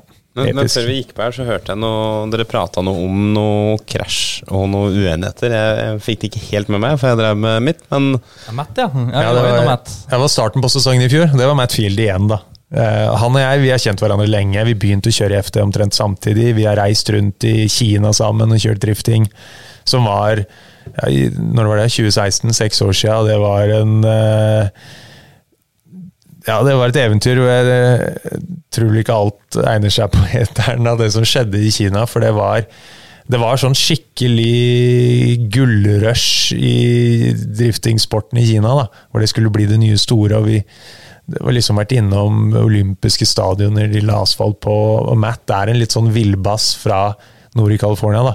Så vi var jo ute og utforska i Kina på egen hånd, og det var eh, Men vi overlevde, og vi har konkurrert siden, og det har vært eh, eh, ja, det har vært mye opp og ned. Han har vunnet noen runder, vi har tapt noen runder, vi har vunnet noen. Krasja i hverandre, han har vært forbanna. Jeg har vært forbanna på han, og det sitter langt inne. altså. Jeg, er veldig, stort sett ganske tålmodig, men er, er, det én jeg har vært forbanna på, så er det han. Eh, og i første løpet i 2022, etter at jeg hadde gjort all istreninga, trent steinhardt på, og var superaggressiv på iskjøringa, så hadde jeg én uvane jeg hadde lagt meg til. Og det var å ikke gi nok eh, luft i overgangen. Litt det som Simen snakka om, at jeg jobber med å ligge tett på. Hvis du ikke Du må samtidig gi nok plass til at de klarer å gjøre overgangen foran deg. Men samtidig så vil du at den eh, avstanden skal være så liten som mulig, for da klarer du å matche mye bedre etterpå. ikke sant? Bare, bare for å stoppe litt, for å forklare de som eventuelt hører på som ikke kjenner til drifting-terminologi. Overgangen er der dere bytter retning, rett og slett? ikke sant? Ja. ja. Så da går vi fra å legge dør, min høyre dør mot hans venstre dør, til å bytte om så jeg legger meg inn på andre sida. Og da må du gi plass, ikke sant. I Long Beach, i topp fire, så gjør jeg akkurat den blemma som jeg da hadde slitt med på isen. Eh, jeg var litt sulten, han var litt treigere ut av første sving enn det jeg hadde regna med. Jeg holder den igjen på verst tenkelige tidspunkt. Det er nok det, det styggeste stedet i, i, hele serien hvor det kan skje. For da rekker ikke han å gjøre sin overgang, dundrer inn i veggen, snurrer, ender opp langt ut i dekkbarrierene. Og har en bil som eh, ja, som egentlig var ganske skeiv, da. Um, og det var, Han var forbanna, han sa noen ting, jeg gikk bort og bare beklaga med en gang. Uh, han, jeg vil ikke være den typen, husker jeg du sa. Ja. Jeg vil ikke være han fyren. Stemmer. Og, det, jeg, ja, igjen, det, det, er ikke sånn For det første så taper jeg jo runden, ikke sant? Han går jo videre. Uh, og samtidig så Ødelegge sånn for andre, da. Det er noe Det er ingen som vil det. Eh, men han ender opp med å vise meg fingeren og legge ut et par andre ting. Han var flyforbanna og får egentlig masse motvind da, i sosiale medier etter det. Så han og jeg skværa opp etter det, og jeg tror han lærte kanskje litt om øh, ydmykhet etter det, etter all den backlashen han fikk. Selv om det var jeg som hadde driti meg ut, så var det han som på en måte fikk kjefta. da. Og det tror jeg var litt øh, ny opplevelse for han. Uh, samtidig så klarte de å få fiksa bilen, og han, jeg tror han til og med rakk å gifte seg mellom der og dra på noe eh, bryllupsreise og sånn. Kom tilbake og gjorde en kjempejobb resten av sesongen, så det gikk over, det, altså. Men det var skikkelig lærepenger for min del òg. Og så får vi se om, om, jeg klarer å holde meg unna det igjen, da. Det, det kommer nok til å skje igjen, men så får vi prøve å, å holde igjen litt akkurat i det, på det punktet der. Jeg tenker på det, Vi snakker jo om, vi har snakka mye om formatet med sporten her. Um, og du er jo en drifter. Vi kjenner ikke det fra andre bilsportserier. Sånn er det ofte i bilsport. Man, man bytter gjerne litt på. Kjører flere ting. Mm. Det er vel veldig få bilsportutøvere som bare har kjørt én gren i løpet av hele livet sitt. Du har vel, vel hatt noe gokart innabords mm. i dine yngre dager, men, men deg som en klokkebasert bilsportutøver, da, hva vil du kjøre? Hva kan du egne deg i? Altså, hva, hvis vi skal se deg i en annen konkurranse, hva, hva kunne det vært? Rallycross. Ja, selvfølgelig. Mm. Du har jo kalt eh, driftingbilene for supernasjonalbil på steroider. Mm. så det er jo rett i klasse fire da, i Norge, eller hva? ja, det, det, det, hadde vært kult. Med? Du skulle gjerne sett. Ja, ja. Ja. Um, ja, det hadde vært kult, det. Men det er det, det hadde vært gøy. altså Supercars òg er jeg superfan av, og vi har snakka mye om det som team og sånne ting, men å røre en sånn satsing vil jeg ikke gjøre før det er nok budsjett, nok planer. altså en, Da må det være en treårsplan, så jeg har best mulige sjanser til å komme uh, up to speed, som det heter. For jeg har så respekt for den konkurransegrenen, det som skal med. Uh, ja, det hadde vært noe nytt for meg å lære, da. Men jeg tror at jeg har en sunn innstilling til, til hvordan jobbe med ingeniører, hvordan jobbe med oppsett. Uh, vi bruker masse klokke i det vi gjør òg, i dag. Eh, så at jeg har huet Jeg tror jeg, jeg tror jeg huet som kan egne seg, men har jeg det i kroppen, har jeg den, den farta inne, det, det, er liksom der jeg måtte jobbe. da. Jeg hører de som kjører supercar, er at eh, det er en lett bil å kjøre, men mm. den er vanskelig å kjøre riktig. Og det å liksom bruke gassballen riktig. Og ja og uten til grepet. Eh, ikke mm. sladde og herje for mye, mm. som du selvfølgelig kan, men samtidig, du er jo også på jakt, som vi har på, det er jo sikkert underkommunisert, du er på jakt etter grep, du òg. Ja, ja. Så har du noen skills der som faktisk egner seg bedre enn rallycross enn, enn, det vi tror? Kanskje. altså Det eneste måten å finne ut av det på, er jo egentlig å prøve, men, men ja, jeg, jeg, jeg jobber mer med å holde igjen på sladd enn å sladde så mye som mulig. Det handler veldig mye om det vi kaller tire management. Holde igjen på bruken av dekk, holde igjen på bruk av varmeutvikling i dekket.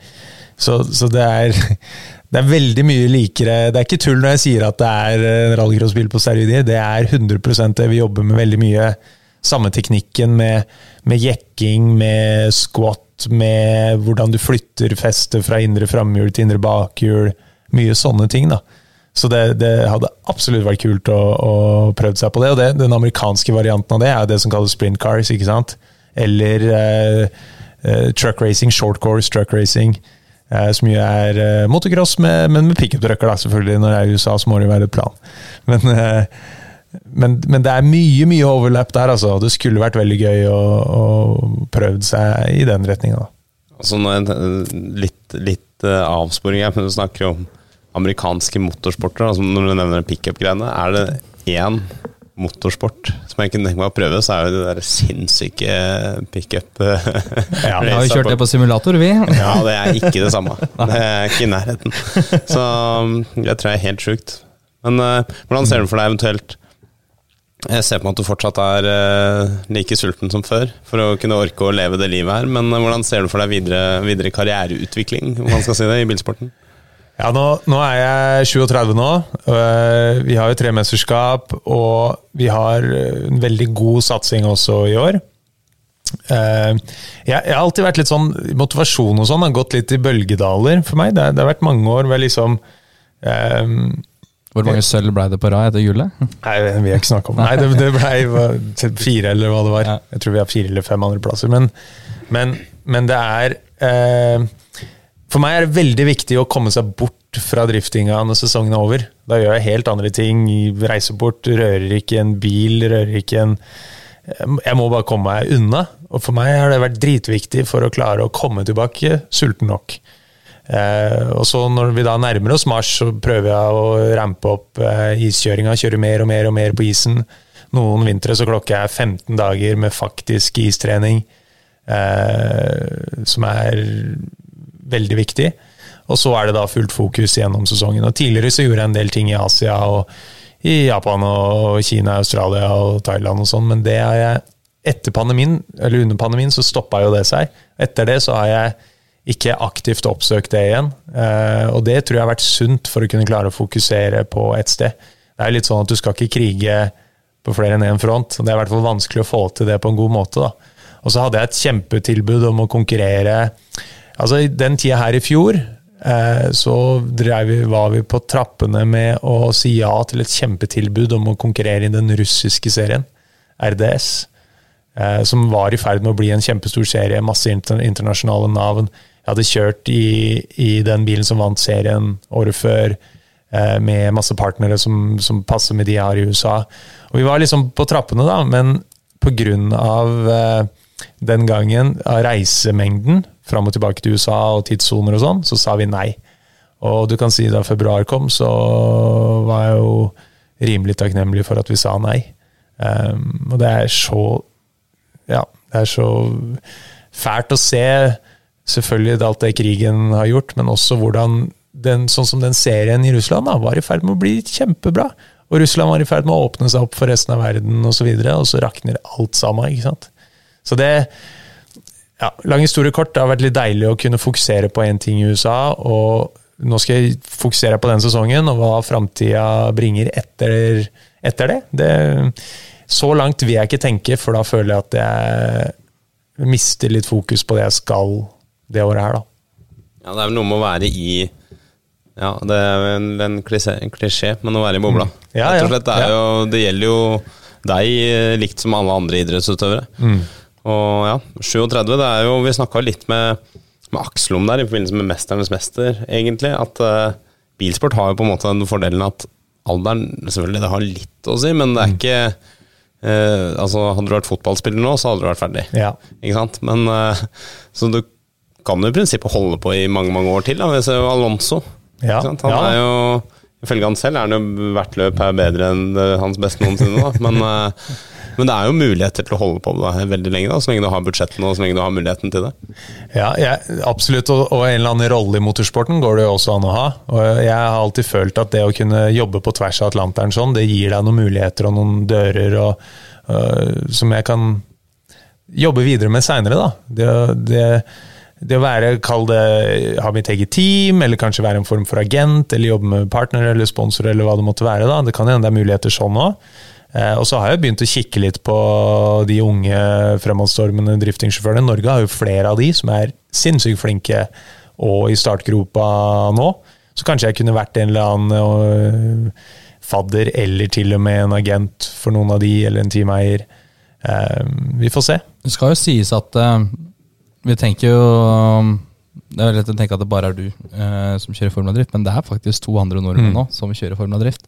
Uh, Simen Olsen og Ola Jæger. Um, Driftingmiljøet i Norge er jo lite, men hva har det betydd for deg da, at du får besøk av de? Uh, og at de også nå er med inn i, i, i pro-klassen? Det, det, er kjempestort. For det, det, Ola har jeg jo kjent i mange mange år. Uh, vi begynte jo å kjøre drifting omtrent samtidig. Han kjørte gokart, gjorde det veldig bra i gokart. Ola er, er, kjempeflink, men har liksom ikke hittil klart å få, opp, få den store satsinga, liksom. Da. Han er kjempedyktig, og jeg kjører jo sammen med ham på gatebil, på det vi kaller Super 3, Team Toyota. Han har jo desidert lavest budsjett i eh, Formel Drift, har han ikke det? Jo, det, det, vil jeg tro. Og det er, og det er uh, Han er en sånn som hadde fortjent å få uh, ja, få et større budsjett da, og kunne konkurrere på like premisser. Mens Simen er mye yngre, er uh, up and coming, skal på Han skal han gir seg ikke på tørrmøkka. Har en sånn herlig sånn eh, Ja, det, det, bare hopper i det, da. Killerinstinkt. Killerinstinkt. Og han har fått eh, resultater deretter. Ble Rookie of the Year i fjor, uh, dvs. Si året etter, så fikk de vel en fjerdeplass som sitt beste. Det var close vi hadde en, dobbel, en helnorsk finale her, altså. Ja, absolutt. Og du vant til løpet, gjorde du ikke? Vi eh, røyk bilen i, i topp fire. Så han, han havna på andre med en bil vi ikke fikk fiksa. Sånn så det er det vi jobber med nå, å ja. gjøre den mer krasjvennlig. Ja. Men i hvert fall Simen er en sånn som, som, kommer opp, og som vil, og som eh, holder ikke igjen på noen ting, og som jeg, som jeg tror kan få det til. da. Eh, og så er det masse under oss tre igjen, da, som uh, står og som ja, kanskje ikke banker på dørene foreløpig, men som absolutt hadde hatt noe i FD å gjøre. En ting jeg tenkte på når du snakka om ikke sant, open coming drifting er en liten sport, så Mm. kom jeg til å tenke på denne VG-kåringa. Fra 2015 eller, eller 2014? Ja, det har jo vært flere ganger, men uh, hvor uh, VG kårer topp 100 idrettsutøvere i Norge Mm. det, og det året, og så skal seerne, eller leserne, gjøre det samme. Og der uh, blei vel du sendt til topps, hvis jeg ikke husker helt feil nå? Det var jo 2014, ja. Jeg tror vi i hvert fall hadde andreplass. Nei, nei, du toppa. Det Gjorde du det? Ja, det var en egen greie. En stor Ja. greie. Ja. Og Har du glemt det? Ja, det, ja. Ja, det var en, det var en sensasjon. Men om det er én, eller om det er to, eller egentlig innafor topp ti, så er jo det en kjempeanerkjennelse. Men det viser jo også litt om mobiliseringa som ligger i Jeg trodde bare det var fatter'n som var inne og stemte der. Det var nok ikke, var nok ikke det, nei. ja, nei, det, jeg husker det godt. Jeg husker de, de åra der og det som skjedde der, for det er jo juletider. Jeg husker det veldig godt. Og jeg husker at, at jeg ble litt sånn Jeg klarte ikke egentlig helt å ta det innover meg, og samtidig så det, Den derre pushen jeg hadde bak meg fram til vi vant det første mesterskapet i 2015, det var liksom som om hele gatebilmiljøet dytta oss i ryggen, da. Det, det var, det, selv om jeg alltid var i tvil om vi skulle få det til, så var det, det var akkurat som det var ment at vi skulle få til det mesterskapet. Og, skulle, ja, og da kom sånn som det, den VG-lista og den VG-kåringa med i den pakka. Da. Det, jeg føler det sier noe om eh, det gatebilmiljøet som, drifting, som jeg regner drifting for å være under, da, hvor, hvor stort det er. Vi, vi er bare fem-seks millioner i det landet her, men tenk dere kan tenke sjøl hvor vanlig det er å ha en løpsbil eller en prosjektbil eller en, et, en, ja, en driftingbil i garasjen. da.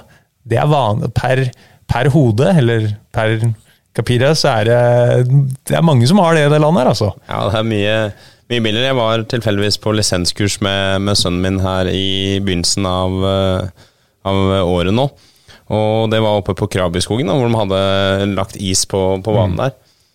Og bare, jeg ble så overraska. Vi gikk ut av det kurset, vi var der litt tidlig, og så var det liksom Depotet var fullt på publikumsparkering. Ja. Og så var det bare krydda biler da, med alle mulige slag og stand. Ikke sant? For folk skal ut og sladde og kose seg og ha det gøy. da. Ja. Og bilmiljøet er nok større enn enn man tror, egentlig. da.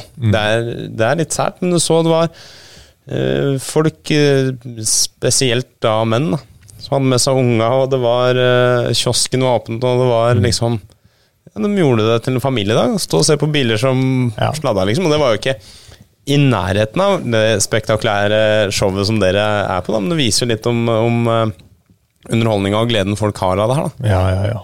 ja. Og det, vi er heldige som er norske på mange vis, men det at det er liksom en kultur for det vi liker å drive med. da. Jeg, litt tilbake til det vi snakka om i starten, at jo mer grønt ting blir, jo mer tror jeg også at du nesten får en sånn motkultur, at folk vil bevare det der litt ville, spektakulære, frie. Så kanskje motorsporten fortsatt har, til og med med fossilbrevdrivstoff, har gode kår i mange, mange, mange år til, fordi at det blir en så sterk motpol til alt det kjedelige vi driver med til vanlig, på en måte. da. I en, et lavt lavthengende frukt da, for de som er liksom motstandere av motorsport, er jo typisk, og som du nevnte tidligere, at drifting blir kalt en harry sport, liksom. Og det er lett for mange å kalle bilsport harry, sikkert med rette, da. Og så får du jo da filmer som Burning i ene enden, som du har vært involvert mye i, som jeg egentlig burde høre mer om. Og så har du da uh, serier som Rådebank i andre enden, som Ja. gjør det veldig populært. Og så har du i midten, da, som er Drive to Survive, som er liksom Ja, ja. eliten. Så da Ja, det, det, det Jeg føler litt av det kan føre to ting, da. At uh, du har de som Ok, Formel 1 er det som er racing, og så er burning og sånn, det derre blodharry greiene. Men og med, sånn totalt sett så tror jeg egentlig motorsporten er, er en veldig fin flyt da, i, i Norge nå. Ja, altså, ja. Jeg er helt enig. Og du, som du sier, da, du har, vi har Dennis ikke sant, på trappene til F1. Vi har Burning eh, eh, mange, Det minner meg faktisk på Jeg må svare Halvard, regissøren. Han har noen ideer om en, eh, om en nummer fire. Og det, det Ja, det er eh, det, det stikker dypt, altså. Det motorsport, motorsportsmiljøet, motormiljøet i Norge stikker så veldig dypt. Så jeg, jeg, vi kan syte og klage over veldig mye her i landet, men vi, vi har nå i hvert fall uh, lov til det meste. Vi, vi, har en kompis fra Nederland som uh, kjører litt racing og kjører Dakar og sånn. Han kom hit til Norge for å teste en driftingbil på Gardermoen på racewayen der, da. Bare på parkeringsplassen. Han kom dit og var sånn Kan jeg kan jeg kjøre her helt aleine i hele dag?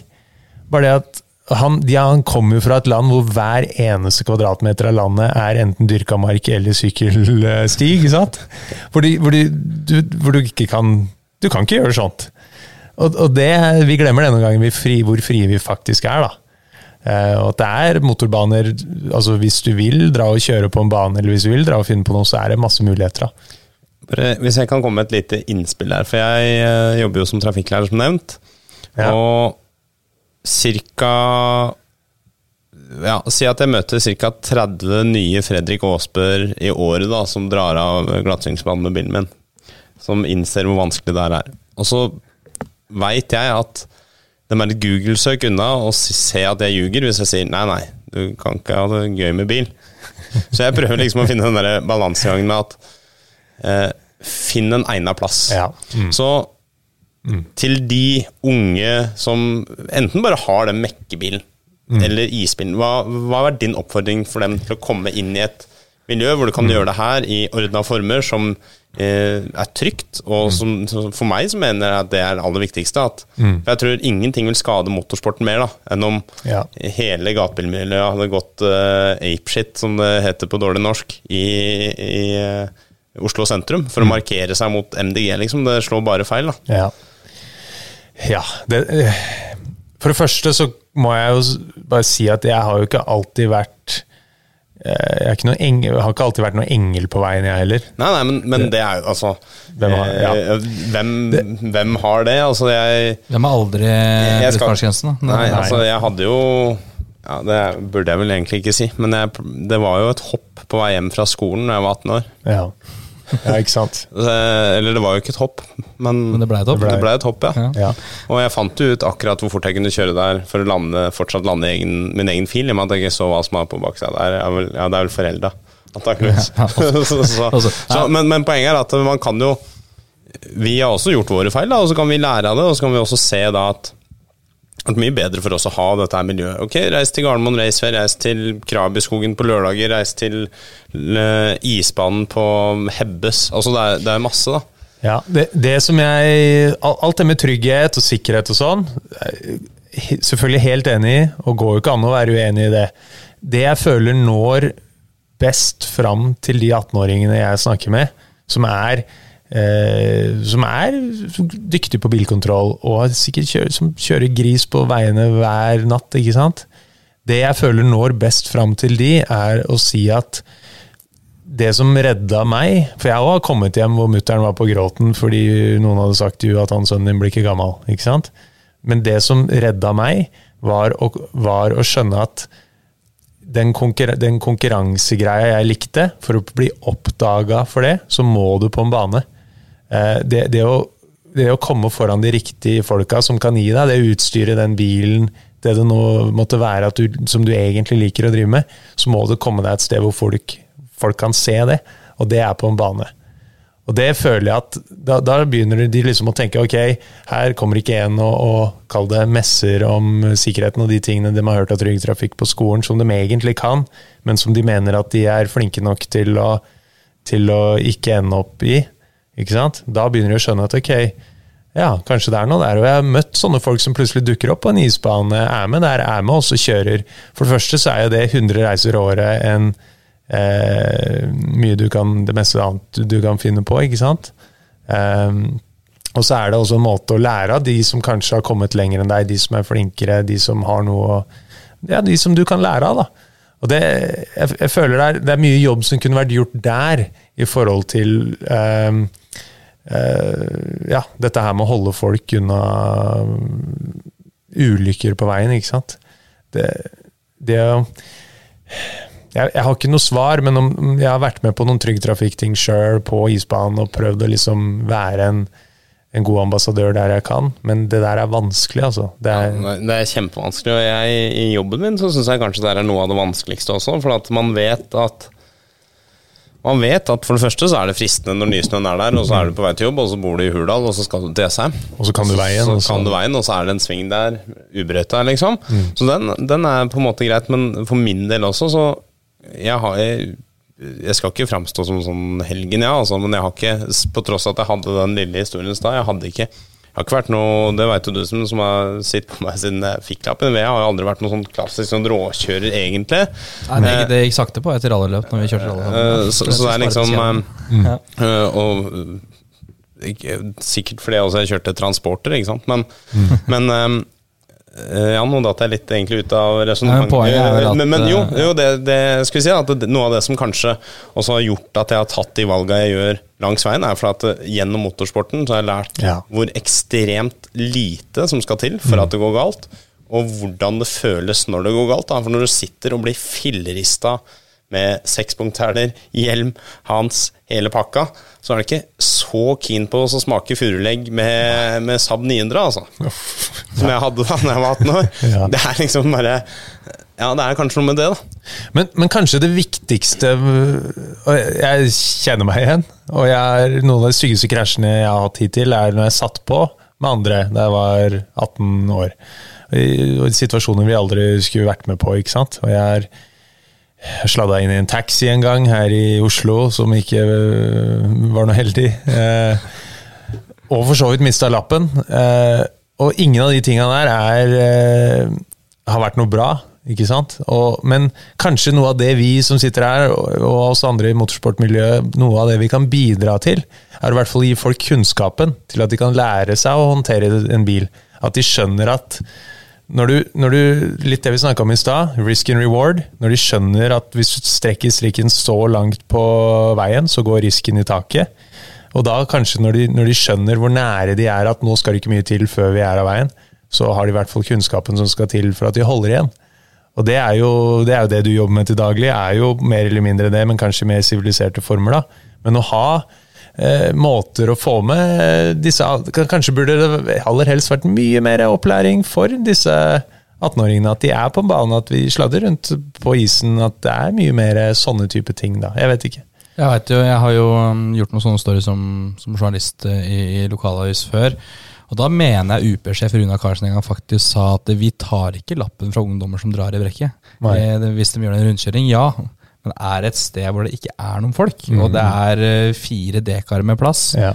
så er jo det greit. Mm. Ja? Eh, Hva er din holdning til, til sånne ting? Det syns jeg er helt topp. Er det sånn du har blitt en god drifter, eller? Eh, ja, jeg har Jeg husker vi hadde et lokalt industriområde langt ut tilbake mellom hvor jeg kjørte med min første bil, en Volvo 360, som var rullemalt. Som jeg kjørte rundt og solgte støvsugere med. Og den bilen varte tre måneder. Og jeg lagde min egen driftingstrasé inne på det området. Og mente sjøl at det var det tryggeste stedet vi kunne gjøre det. For der var det ikke andre folk, det var ikke på veien, det var ingen biler. Var, jeg, jeg kunne se ikke sant? alt som skjedde, og hvis noe gikk gærent, så endte jeg opp i en, en eh, sandhaug. ikke sant?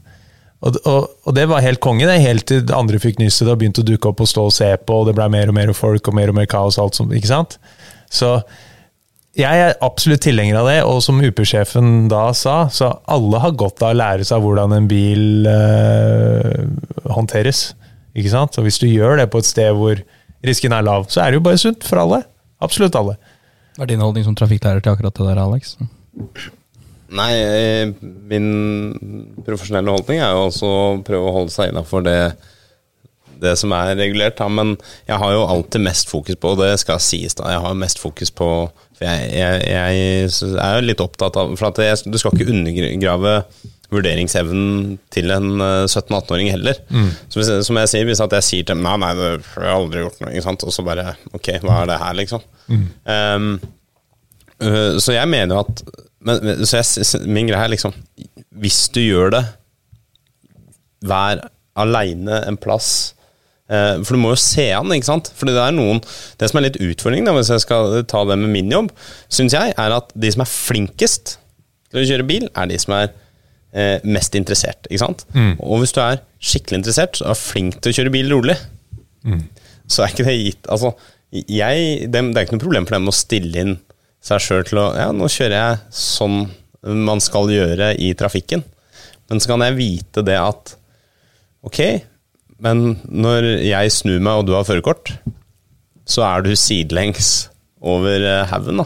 Så er det noen som prøver, om å, prøver å tipse om Jeg er veldig på å tipse om reis til disse her banene, det koster ikke mye.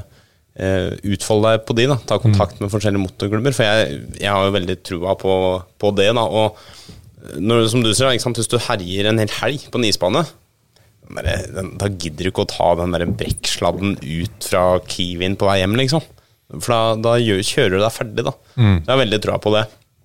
Så eh, det, For det er viktig Jeg tror det er veldig viktig å ikke ha sånn uh, ovenfra-ned-holdning til det. Helt enig. For at da, da blir det bare Ja, for det første så er jeg Jeg syns det er kjempegøy å kjøre fort med bil, men fiks det i ordna former, da. Det er jo sånn med sporten din, da, Fredrik. At, ja, vi har jo snakka om det at fart er et viktig element, men det er vel alle andre elementer som gjør at eh, ja, presisjon, bilkontroll. Og da handler det ikke nødvendigvis om å kjøre fortest heller. Så det går vel an å, om ikke øve, men måten du å trene på handler ikke alltid om fart. Nei, nei, nei. Hvis du ser de, de som har vært de beste driftingsjåførene i verden og i FT, eh, når de, eh, foreløpig kun gutta, er blitt eh, passert 40, så er de blitt noen av de ledende presisjons- og stuntsjåførene i Hollywood. Sånn som Reece Millen er, har i dag eh, ja, de aller fleste, og Sam Cubinet for så vidt òg, som er begge er tidligere mesterskapsvinnere i FT, er nå eh, de første som blir ringt til å gjøre alle de store TV-reklamene i, i Hollywood. Og det, det sier en del, da. Det, du blir trent på akkurat det der. Sitte og vente og vente og vente, og vente, og så pang, har du 20 sekunder å gjøre det på. Det er akkurat det vi gjør hver gang på banen. ikke sant? Og har, sånn er det jo i filmbransjen òg. Jeg har en overskrift der hvor du har sagt nei til Hollywood. Eh, det Ja. må du fortelle om. Jeg, forskjellen på Sam og Reece og meg er at og jeg tror ikke de nødvendigvis heller elsker den jobben de gjør, men det betaler så bra at de gjør det likevel. Men jeg er ikke spesielt glad i det, å være en presisjonssjåfør på, på film. Selv om jeg gjør det, og av og til er jeg ikke best på det, og jeg har hatt mine uhell og gjort mine rare ting, jeg, men, men eh, jeg, det jeg lever for, er den derre terpinga på å få satt opp bil, team, meg sjøl til å bli så bra som mulig. Alle konkurranseelementene? eller? Er konkurranseelementet. racersjåfør, du, egentlig. Ja, jeg er det. Øh, 100 Og jeg, det er det jeg elsker. Jeg elsker den nerdinga. Jobbe med de detaljene, teste de forskjellige tingene. Jobbe med bilen, få den så bra som mulig. Det er det aldri tid til på et filmsett. Der er det bare 'dette er det vi har'. Hva, få til det så bra du kan. Så er ikke sikkert, du faller litt igjennom du fort da, hvis ikke den bilen er helt sånn som du helst vil ha det. Ja, på et vis. Jeg gjør det. Eh, Men samtidig så har jeg også noe av det Reece er best på, er å ha med seg et sett med Y-script-henger og en dekktryks og en liten kompressor og ikke sant. Og, og, og gjøre de små triksa du har tid til for å trimme bilen så godt du klarer. ikke sant? Hvis du har en open diff, så setter du 100 PS i hjulet. sånn at, ikke sant? Sånne ting. Men, men ja, jeg er på Jeg er ikke den som gjør det best hvis du slenger meg en hvilken som helst bil. Men jeg er nok eh, en av de beste på å få Gi meg en uke eller to eller tre på å få satt opp en hvilken som helst bil. Er det derfor vi ser en GT86 fullt med Åsby Livery på Burning 1? Var det et krav, det, da? For da, da veit du hva du får. Ja, det, og det var en veldig tilgivelig ting å gjøre. Eh, jo lenger unna en racerbane du tar en fullblods driftingbil, jo mer imponerende blir en sånn bil. For det er jo en, det er jo en racebil, en dragster og en rallycrossbil og en stuntbil i én. For du kan bruke den til alt. Og Burning 1, det som er det kuleste med hele Burning-konseptet, er at eh, det er en så herlig blanding av alt. Det er som du snakka om i stad, det er harry fordi det er mot i brøstet-humor. Alle som liker Jenny Skavlan ser på. Samtidig så er det alle som liker bilmiljøet er med, og folk som liker generell humor og familie. Alle ser på, så du treffer alle.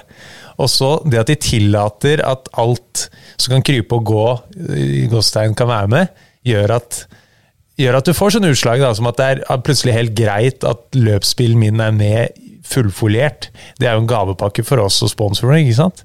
Men det, og historien, så det er vel ikke sagt, men i historien så er det liksom det skinner litt gjennom at han TT som kjører har liksom vært og stjålet den bilen, eller et eller annet sånt. da. Og da jeg fikk beskrivelsen til han karakteren TT i Burning 1 Du skal kjøre bilen til TT. Jeg spilte jo ikke rollen, men du skal kjøre bilen. Og han ser for deg en, eh, en kar på rett over 30 med alle Ritalin-pillene strødd utover gulvet bak i bilen. Det var liksom Sånn, sånn er han. Men, men det å ligge sideways oppover For det kjørte vel praktisk talt uh, oppover Saltfjellet, eller hvor enn det var, i hvert fall i vakkert norsk landskap, og da legge den bilen da 90 grader bredt oppover der Altså, mm, åssen er den feelingen? Lovlig i tillegg må jo være en slags drøm. Det var det, Altså, det, den feelingen er eh, Kommer aldri til å glemme det. Og det er Kommer sikkert aldri til å få lov til å gjøre det igjen heller. Fordi at Burning 1 var et forsøk, og jeg vil si absolutt vellykka, forsøk på å lage en Hollywood-type eh, Fast and Furious, men med det som mål, men på 2% av budsjettet. Ikke sant? Og da må det kuttes litt her og der. Så da ble det tromma sammen hele bilmiljøet i Norge, eller i hvert fall det meste som kunne krype og gå av Amcar og, driftingmiljøet, eller gatebilmiljøet, og det som kunne krype og gå av filmfolk som var interessert. Problemet var at alle bilfolka kunne ikke en, en dritt om film, alle filmfolka kunne ingenting om bil. Skulle alle disse samarbeide på Herlig symbiose vi snakker her, altså. ja, ja, og det var ikke nok tid, og det var ikke nok penger, og det var ikke nok av noe, ikke sant? Men det var masse vilje. Og tru kan flytte fjell, og vi gjorde som du sa, vi kjørte jo, vi begynte jo på Tyrgrava. og kjørte i praksis opp til eh, Nordkapp. Og altså, det var et eventyr. Jeg, plutselig en dag så kjørte jeg en sånn spygrønn Volvo 740 opp fra Levanger eller noe sånt, på vei til Sett. Eh, I Burning 2 kjørte jeg plutselig en Königsegg på isen på Gol og hoppa ikke sant? Det var og dag, neste gang på Burning 2 så var jeg plutselig politimann i full politikostyme som sklei nedover slalåmbakken i Oppdal. ikke sant? Det var alt. Et eventyr. Det, men det beste med Burning 1 var at det var ingen som visste hvor de skulle si stopp. Så det var, når det kom til de presisjonsscenene og de scenene med, løpsbi, med løpsbilen og når ra- racet liksom nærma seg slutten, så gjorde vi egentlig som vi ville. Og jeg husker vi, vi sto fordi det ikke var tid, da, så måtte de skyte Vanligvis så skyter du alle scenene flere ganger fra forskjellige vinkler. Men her måtte vi skyte alt på en gang ofte. Så vi hadde en scene hvor vi går i land fra ei ferje oppe i et eller annet sted oppe i Nord-Norge. Hvor vi da sitter Da sitter Lillegul, Mustangen, det sitter en annen sånn 700 hester Mustang, det sitter en sånn kompressor BMW M3, også den G86 driftingbilen min. Vi alle sitter på en ferje. Har fått beskjed om at når den ferja kommer i land, så kommer helikopteret, filmhelikopteret så kommer. komme. Eh, E6 herfra, en halvtime oppover, er sperra av av politi. Dere skal gjennom en bygg, så skal dere bare fortsette på E6, helt til vi gir dere beskjed på radioene at nå skal dere stoppe. Ok, Og vi sitter her, Det føltes litt som vi var med på D-Day. ikke sant? Du sitter på ferja, du, du chugger innover mot land, du venter at du går i land, du legger i land, klunk. Lemmen går ned, der står som avtalt alle skuespillerne. Dvs. Si politi, står to politibiler der. En sånn der gaffeltruck som løfter vekk en bilsperring. Og vi visste at når den bilen er løfta bort, så er det et race. Sant? Hvor dette bærer? Det vi ikke visste, og som Halvard, eh, regissøren, da ikke hadde fortalt oss, var at det var jo bare to politifolk i den byen, så det var jo bare de politifolka på havna. Som, det, var, det, var, det, var ikke, det var ikke sperra en halvtime opp på V6. Vi dro av gårde gjennom byen, selvfølgelig med 110, altså puls på 200, opp gjennom byen, gjennom rundkjøringen med folk som Kids som kom hjem fra skolen, gikk langs veien og bare Hva skjer her nå? Kommer de fire bilene på tvers opp gjennom byen? Ned gjennom rundkjøring, gjennom en tunnel. Tømte girkassa, siste, siste gir turtallsperra ut av tunnelen på andre sida, med alle disse i slep. Eh, Helikopteret så vi aldri, for det kjørte vi fra, og de klarte ikke å si fra til oss når vi skulle stoppe. Det, altså Det, Det er så sjukt. Det- det er- og, og sånne det, det, altså, de, de grommeste opptakene fra innspilling av Burning 1 fins ikke, fordi det, Ja, kameraet var ikke Men det, det høres jo ut som noe som eh, var veldig kort unna å være en gigantisk skandale. da. Ja, det var det. Men, men her, og nå er vi inne på det her med erfaring. Eh, alle vi som var der, og som var med når, når dette her skjedde, var Har vært ute en vinternatt før. eh, Riktignok ikke Bokstavelig talt, eller? ikke sant? Vi, der har du igjen det Jeg var i en bil jeg kjenner ut og inn. Løpsbilen min. Jeg veit hvor marginene er. Eh, selvfølgelig, ting kan skje. Du kan ryke et endeledd og sitte i murveggen. Men det kan du på en veibil òg. Ikke sant? Så selv om det gikk eh, fort og sidelengs, så kjørte Jeg vil den dag i dag påstå at jeg kjørte med en viss margin. Det, det var mye tryggere å gjøre det enn det hadde vært å pushe en bil jeg ikke kjente til en eller annen grense. ikke sant? Så altså, og sånn, Det var noe av genistreken med Burning. Du hadde med folk som visste, som kjente hver eneste bil. Polly fra Vestlandet var jo med, med den der 1500 hesters Transamen som de har kjørt 400 km i timen med. Den er jo med som en del Det er jo bilen til Sven Nordin og Otto Jespersen. Og han gikk jo hele den opptaket og bare venta på når han kunne vise hva den bilen er god for. Det er ett skudd på et par sekunder i filmen som viser litt hva som bor i den bilen. Og det var oppe på Nordkapplatået, hvor eh, For det, det var jo to biler, det var en dummy som de stort sett brukte, og så var det den ekte løpsbilen, men den var jo for dyr å kjøre med. Og ikke sant? Der oppe så var det en lang slette, hvor de skulle ha et skudd, en lang, svær total at bilen liksom kommer fra høyre side av skjermen og passerer over til venstre side av skjermen. Der fikk han kjøre sjøl og ta i og vise hva den bilen var god for. Og i det skuddet så ser du, det er langt unna, da, men det går nok i sånn 250-300 kanskje, oppå Snaufjellet der. Da sto det sånne produksjonsassistenter ute i skauen eller ute på vidda for å holde reinsdyra unna. Og det som ikke blir sagt, er at inni bilen så så lå det en mekaniker, min mekaniker på den tida, David, lå på huet med lommelykt og så inn på sida av girkassa, for det var det oljelekkasje, med en vettskremt lydmann som satt stroppa inn i baksetet på den bilen. Eh, ja. Men åssen var debrifen etterpå? Når du liksom Du, E6 var ikke stengt, den. Nei, det var eh, Jeg kan ikke huske noe debrief. Det var Nei, det bare var- det var en bisetning. Ja. Det er ingen som hadde Det hadde ikke kommet noe godt ut av at det hadde blitt snakka noe mer om. Nei. nei, nei, det er jo greit nok. Når du snakker om det der eh, opptaket som ble gjort oppe i Oppda- eh, fjellet i Oppdal, var det Oppdal det var? Ja, I alpinbakken her så er det, er det denne pickupen som ruller. ja stemmer det. Det var vel heller ikke meninga? Det stemmer, det. Det var um, Det stemmer, det. Det husker jeg godt. Jeg husker godt etterpå. Men det var så i, Det var jo to sånne prototype Arctic Truck Hiluxer av nye typen som var med i, i den filmen. Og for de scenene der, så det er en sånn litt sånn vill scene hvor han kjører egentlig den Hiluxen som om du kjører på snowboard, på en måte. da. Kjører på kryss og tvers i en sånn eh, eh, park da, i Oppdal. Og der hadde vi med Det var jo masse stuntfolk med på filmen. De beste i Norge. Fredrik Sørli og sånn. Eh, men for akkurat den scenen så hadde de fått inn eh, Hva er det han heter? Ørn Ikke ørn, men halv... Halvgrim? Jeg husker ikke hva han heter. Supertrivelig, koselig islending fra Arctic Trucks. Som har vært med på masse, kjørt masse på snø, kan det, øh, og er en av Norges beste på, på Arctic Trucks, og også kjøre med dem på Island. Så han kjørte den uh, i den rollen, og tok i så fælt at han rulla. Uh, det var ikke planlagt, og det blei uh, masse de de bilene fantes jo ikke i Norge, så du fikk jo ikke deler til å få fiksa den bilen igjen. Så, men det han Hallgrim, tror jeg han het, det han gjorde etter at de hadde rulla, så han, Det var ikke første gang han rulla, så han visste akkurat hva han skulle fiksa det. Så fikk sendt opp eh, deler fra forrige generasjon Hilux, plastra det sammen, fikk det noenlunde i hop. Og dagen etter så var den bilen klar til å brukes igjen. da. Så det, det er sånne historier var Det var mye håndtering i kulissene og folk som bidro da, på den produksjonen. Og I filmen så blei det egentlig Det var helt konge at den rulla. Um, det, ja, Halvard var jo superhappy, for det ser jo helt kongelig ut. Og da inboard-kamera så gjorde de jo greie sånn at skuespillerne ser ut som har vært med på rulling, og så begynner de å kysse, eller hva det var. Så det var jo helt topp.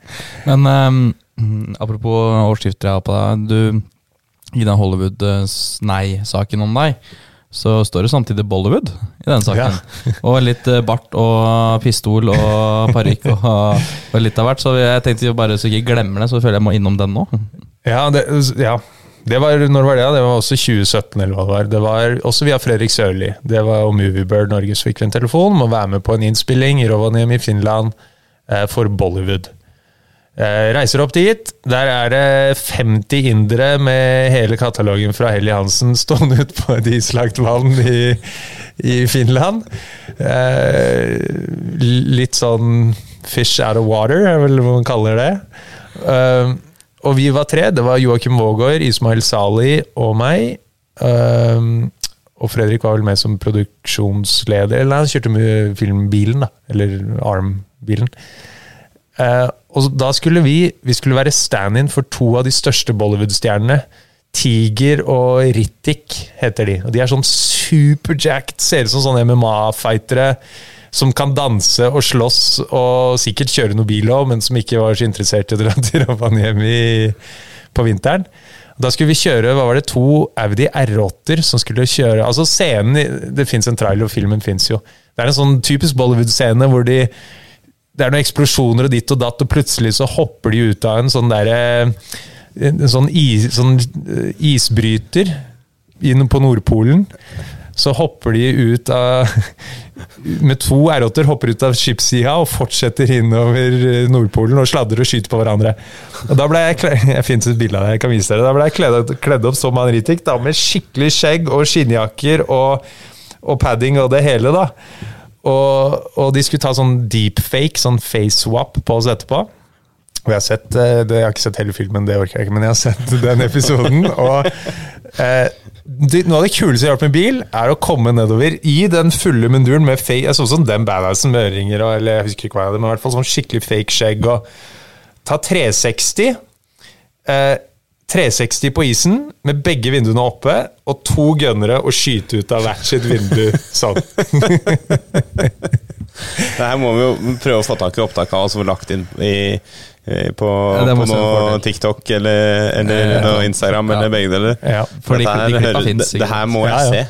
Det her må jeg se. Ja. Nei, det var det, Og det var, Jeg har noen sånne bilder av hvor når vi ble kledd opp. Så det var sinnssykt gøy. Vi hadde et uhell der med noen krasjer, og igjen var det noe fiksing og reparasjoner, og ting går ikke alt etter planen. og og det, det var et sirkus uten like, og selvfølgelig ut på byen i Rovaniemi, på Joes karaokebar, eller hva det het etterpå. Det var en kjempeopplevelse med de inderne som var dritkule, og var eh, veldig sånn Fikk skikkelig respekt for hvordan de jobber og lidenskapen, og liksom at de Ja. Det, det var en kulturkrasj, men det var, det var helt konge. Vi var vel innom Ari Vatanen sin sånn sn- snørallyskole eller noe sånt. Og det, var- ja, det var veldig spesielt. Eh, bare, jeg må, Da har vi holdt på lenge, da. Men jeg bare må kjapt innom på slutten. Eh, som, det er ikke relatert til Bollywood på noen som helst måte. Eller kanskje eneste er budsjetter, da, for at vi snakka litt om budsjetter. Mm. jeg vet ikke hvor mye du kan si, men hvis man, hva er et estimert budsjett for en som drømmer om eh, Formula-drift?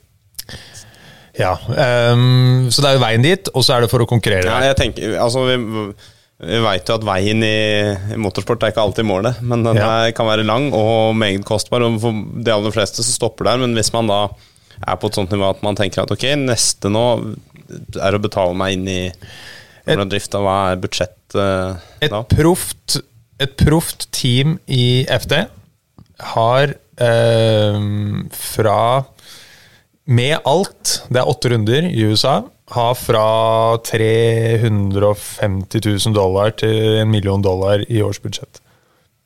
Ja. Ja, Og du kan, du kan få til ting på et lavere budsjett enn det, men da er det Hva skal jeg si? Mindre proft. Da er det skralt. Ja, og, og vanskeligere å få til ting, da. Ja. Eh, og, så, og det er jo også retail-verdier. Hvis du kommer og bare betaler det, så er det det det koster. Men så er det mange muligheter for sponsorater og diverse. Da, ikke sant? Så du 1 million dollar, da, rundt 10 millioner, da. Norske, cirka. Jeg er litt usikker på dollarkursen akkurat i dag. Men, Nei, men det er eh, pluss minus ti, cirka. Ja, hvis, du, sier, hvis du sier 10 millioner, da, så er jo selvfølgelig masse, masse penger. Men hvis du tenker toppnivå i verden i en hvilk, altså hvilken som helst annen motorsport altså, Nei, jeg ikke det er avskrekkende at det er så kommer mil verdenstoppen i- altså, nå, nå sammenligner man jo ofte vel med Formel 1, da, men det er, ikke sant? det er 100 millioner på vei opp dit. Og så, Mm. ja, det, er, det er, drives jo selvfølgelig ikke med, med private Ja, men så- personer, da, men så tenker vi eh, rall-VM, da. En million per løp Mm. eh, i R, R5, hvis du leier deg inn. Ja. Så ja. Ja, så det kan, kanskje vi er ca. der hvor rallycross var for 50 år siden, da. Supercars i rallycross, kanskje noe sånt? Jeg vet ikke, hva en EM-satsing i rallycross? Jeg, jeg tror jeg snakka med Nils Andersson når han kjørte rallyx i Høljes. Ja, hva Ikke halv mil mellom en halv og en hel per løp i rallycross òg, cirka? Jo, jeg, jeg lurer på om å, å kjøre de to løpa i Høljes i Rallyx Nordic var 800 000 eller noe sånt nå, da. Ja. I den bilen han kjørte, som var en Mm. Polo eh, i Kristoffersson der. Men eh, nå trenger jeg ikke å få noen mailer fra noen som er sinte hvis det budsjettet eh, ikke stemmer, da. Men eh, eh, hvis du skal kjøre rally Sverige da, som privatperson, VM-runden der, med Mm. en eh, Rally 2-bil, som det nå heter Ja. Eller Kommer- R5, da, som ja. Ja, du kommer ikke under millionen. Nei. Eh, så så eh, nå høres det jeg har ikke de penga, men, eh, Nei, men, men det, samtidig men, så syns jeg ikke det. Det var liksom ikke Jeg datt jo ikke av stolen her, da. Så, så sånn sett så er det kanskje en eh, en drøm å, å jage, da, for, eh, for flere Ja, og, du, og, og så kan du også se på sånn som Driftmasters i Europa, da, som du kan få til for veldig mye mindre penger. Eh, for veldig mye av kostnadene i USA er at alt er blitt så veldig dyrt der, og reiseutgifter, ikke sant. Og, og dette er jo, og hvis du gjør ting mer på budsjett og på dugnad, eh, dugnadsånd, så du kan, du kan kjøre i veldig store anerkjente serier for mye mindre penger også her i Europa. Og derfor er det en, det er en rimelig inngangsport til noe som egentlig er ganske gromt. Da. Hvis, du, hvis du har 300 000 kroner, så får du en skikkelig, egentlig en veldig grom bil i Norge. Som du kan kjøre i pro-klassen med. Eh, og så går det selvfølgelig litt i dekkutgifter og en del i dekkutgifter, og, men startavgifter er veldig lave, det er gode muligheter for å få kjørt, du har et vidt spenn på hva du kan få kjørt. Så det er en, det er veldig sånn lett og fin måte å drive med motorsport på, da, fordi det er ikke så Det å ha det siste skriket og den, det siste råeste av alt er ikke like viktig. Det handler litt mer om sjåføren og hvordan han bruker redskapen. da. Så disse semipro-seriene og Pro 2-seriene i Norge er kjempefine for å bli en veldig dyktig sjåfør på en, for en rimelig penge. da. Når du nevner europeisk drift, ja, det er på tampen her, men, men jeg følte vi, vi må touche inn det, for du nevnte Driftmasters i Europa. Ja. Hvor, eh, der har vi hatt med den norske han eh, Han Tor Nei, hva heter han? Tor Arne Kvia, Tor Arne Kvia Ørjan Nilsen. og Ørjan Nilsen. Ja. De imponerte jo veldig jeg tror det var sesongåpningen i fjor, og der hadde vi jo Kalle Råvenpere med. Ja. Verdensmesteren i rally, tidenes yngste verdensmester i rally. Ja. Eh, Og jeg tenker på dette med liksom å connecte grenene mot hverandre. Det at Kalle er der, men ikke bare er det, han kjører dritbra. Mm. Eh, og kommer da fra klokkebasert motorsport, er med og herjer der, koser seg og er god. Hva, hva betyr det for drifting, spesielt her i Europa, men sånn for omdømmet til drifting, at det kalde er med der? og liksom hva, Bare det ene rønnet han gjorde der, det Mm. løpet, uh, satte det noen form for spor i, i driftingen? Det er et veldig godt spørsmål, og det korte svaret er ja. Det er definitivt viktig for drifting. Og eh, Kalle jeg har snakka litt om man skulle prøvd å trene litt på is sammen i vinter og sånn, og han er Hva er det han, er det han kaller seg sjøl? Han er uh, uh, rally world champion og wannabe drift king. Så han, han elsker det jo. Og, og var selvfølgelig veldig dyktig i Roof Masters. Vant jo ikke der, fikk jo en topp åtte, men har vunnet noe løp i, i Finland. Og så det betyr mye for drifting. Det betyr nok også Det kan godt hende det betyr en del for min del òg, fordi det har nok noe med anerkjennelsen i Gazoo Racing. De er, Toyota er jo etter introduksjonen av GR blitt eh, veldig tilbake i drifting. da. I Japan har de sponsa mye, de gjør jo store ting i USA, også i Europa. Så Kalle er absolutt en ambassadør som vi alle bør være og er veldig glade for. da. Og snakk om pilot. Det, ja, det er skikkelig gøy, og han er eh, Han er vinner, vinnerskalle. Hva betyr det både for deg og for Toyota nå at han da er verdensmester? Det er jo stort. Altså det, vi, det, vi heier jo på han, og det er jo det, jeg, Altså, jeg, ved, siden av å være stolte av det og, og imponert av det, så tror jeg det er med å eh, vise Vise at den leikinga han driver med på isen, at det har noe for seg, at driftinga har noe for seg. Så jeg tror på sikt kan det virkelig være med å åpne noen dører, da.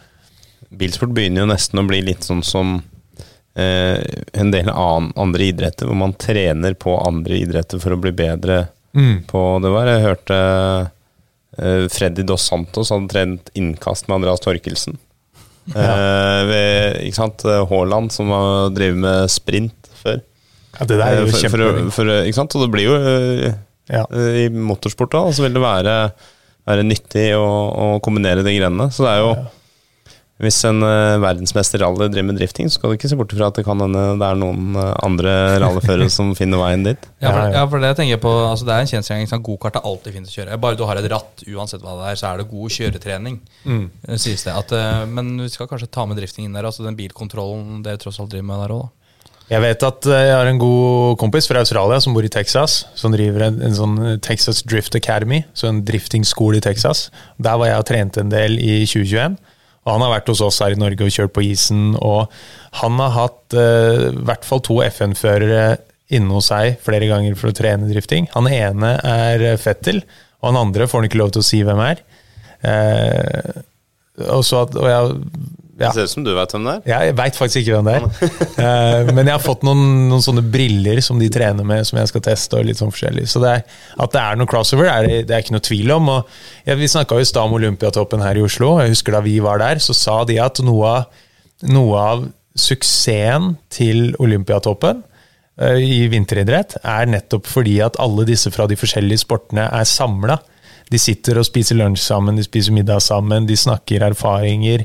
Eh, Så det du sier der, har jeg virkelig trua på at det gjelder også i motorsport. ja.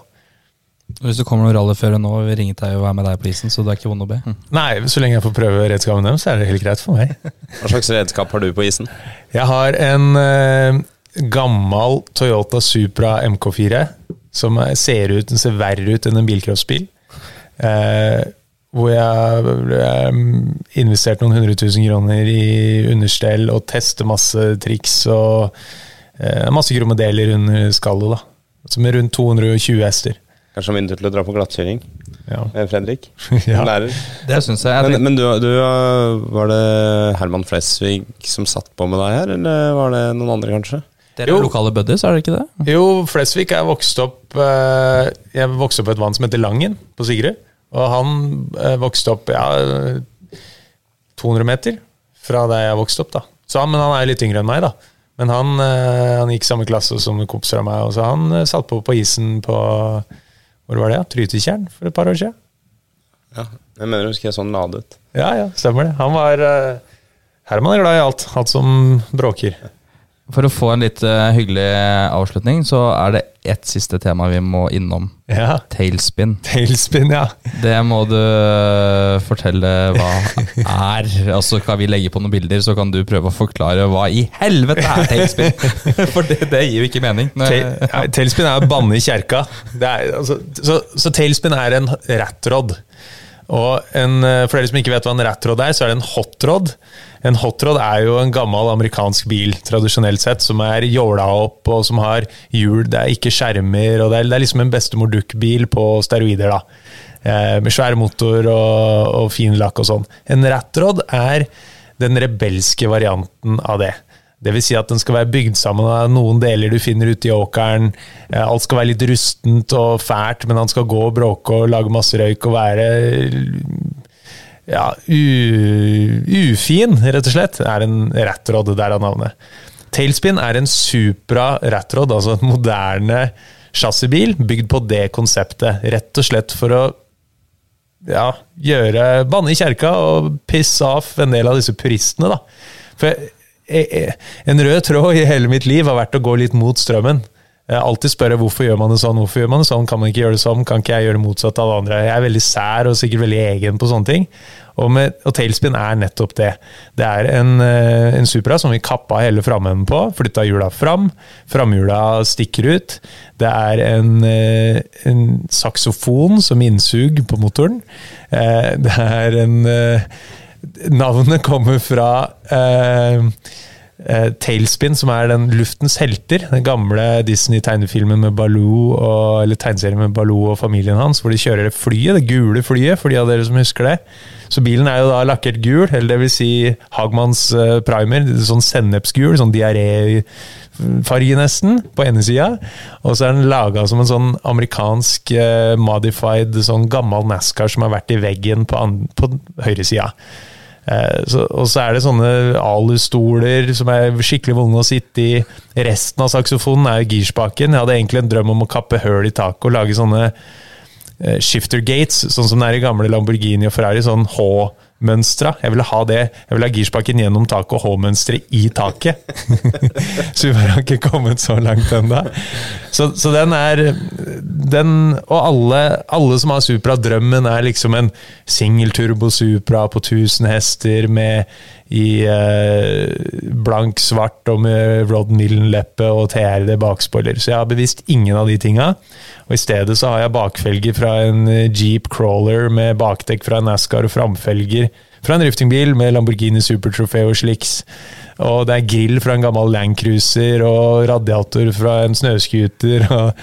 Så, så den er Det er den bilen som gir meg mest smil, som har vært billigst å lage, og som har laga mest ståhei i sosiale medier for meg. Og da jeg gifta meg i fjor, så hadde jeg ett krav. Jeg hadde noen flere krav, men det, det viktigste kravet var at eh, det skulle være brudebilen. Så den eh, Fikk du, du godkjent den med prøveskiltet? eller? eh, Ikke prøvd ennå. Alle Rattrod-kompiser jeg har, sier at det er ikke vits. Det beste er å kjøre uten skilt. For da er det ingen som spør. Men dette var selvfølgelig på lukka område, på gården til en kompis av meg. Vi hadde litt sånn hillbilly-bryllup nede i nydelig sted i Nevlunghavn. Eh, og da mm, ble det spinne piruetter ut på jordet, ja. Med alle blikkboksene bak, og min eh, flotte kone fra San Diego hylende i baksetet. Så det var uh, innertier. Hva syns du om den historien, Alexander? I likhet med veldig mange andre historier, så var den eh, strålende. Eh, til inspirasjon eh, til Altså, du er jo ikke gift ennå. Bare Nei, du, du, du det. låner ut den, eller? Ja, om jeg gjør, da. Ja, jeg kan jo Med jeg bor rett ved omtrent, så jeg kan Ja, jo ja, låne det området, kan jeg ikke det? Bare si fra, jeg Ja. kommer. Ja, Det er notert. men, men ja, det, hva er da Hva brukes den til? Den, akkurat nå sitter den bare i garasjen, men når alle spør om det, eh, hva brukes den til? Jo, den brukes til å kjøre rundt og kjøpe iskrem med. Brukes den til. Det er i hvert fall det tiltenkte formålet. Problemet nå er at uh, jeg kommer ikke over fartsdumpene i gata hjemme, så da må jeg enten ta så fart at naboene blir redde, eller så jeg skal flytte den til et annet sted. Så, men målet er å ha den den- er bare for moro. Kjøre litt rundt med på gatebil. Uh, Jeg skal ha et kjempeanlegg inn, og så driver jeg skal lage en sånn rigg hvor hvor vi vipper ut DJ-kontrolleren, miksebordet. Mom deserves the best, and there's no better place to shop for Mother's Day than Whole Foods Market. They're your destination for unbeatable savings, from premium gifts to show-stopping flowers and irresistible desserts. Start by saving 33% with Prime on all body care and candles. Then get a 15-stem bunch of tulips for just $9.99 each with Prime. Round out Mom's menu with festive rosé, irresistible berry chantilly cake, and more special treats. Come celebrate Mother's Day at Whole Foods Market. Ut av bagasjerommet, så, så du kan spille fra den, da. Det er neste plan. Jeg snakka mye om del to, Alexander, og det må man nok ha med Fredrik. For vi har jo ver ikke toucha merken at du har kone fra San Diego som og er drifter, og ikke minst DJ Three Sign. eh, det får kanskje bli til seinere, eller? Ja, vi må vel eh, da eh, invitere deg igjen hvis du har lyst til å komme tilbake og så få, få en del to. Um, Fordi to timer holdt ikke, tydeligvis. Til eh, Her er det mer i herre. men eh, Han får ta fjerde gullet i drift i Formel Drift først. Ja, men det er, det er en god plan. Ja. Det er, jeg er, eh, jeg er ladda. Veldig hyggelig å få komme på besøk hit. Og jeg skravler fælt, så takk for tålmodigheten. det er alt vi ønsker oss. Ja, det er altså, egentlig lytterne vi skal takke tålmodigheten for, de som har kommet helt hit til det. Ja, men altså det er jo De som ikke har kommet hit, Nei. det tenker jeg er synd for dem. De har gått glipp av kjempemye kule historier. Veldig veldig gøy å ha deg med. Så får du ha lykke til i neste sesong.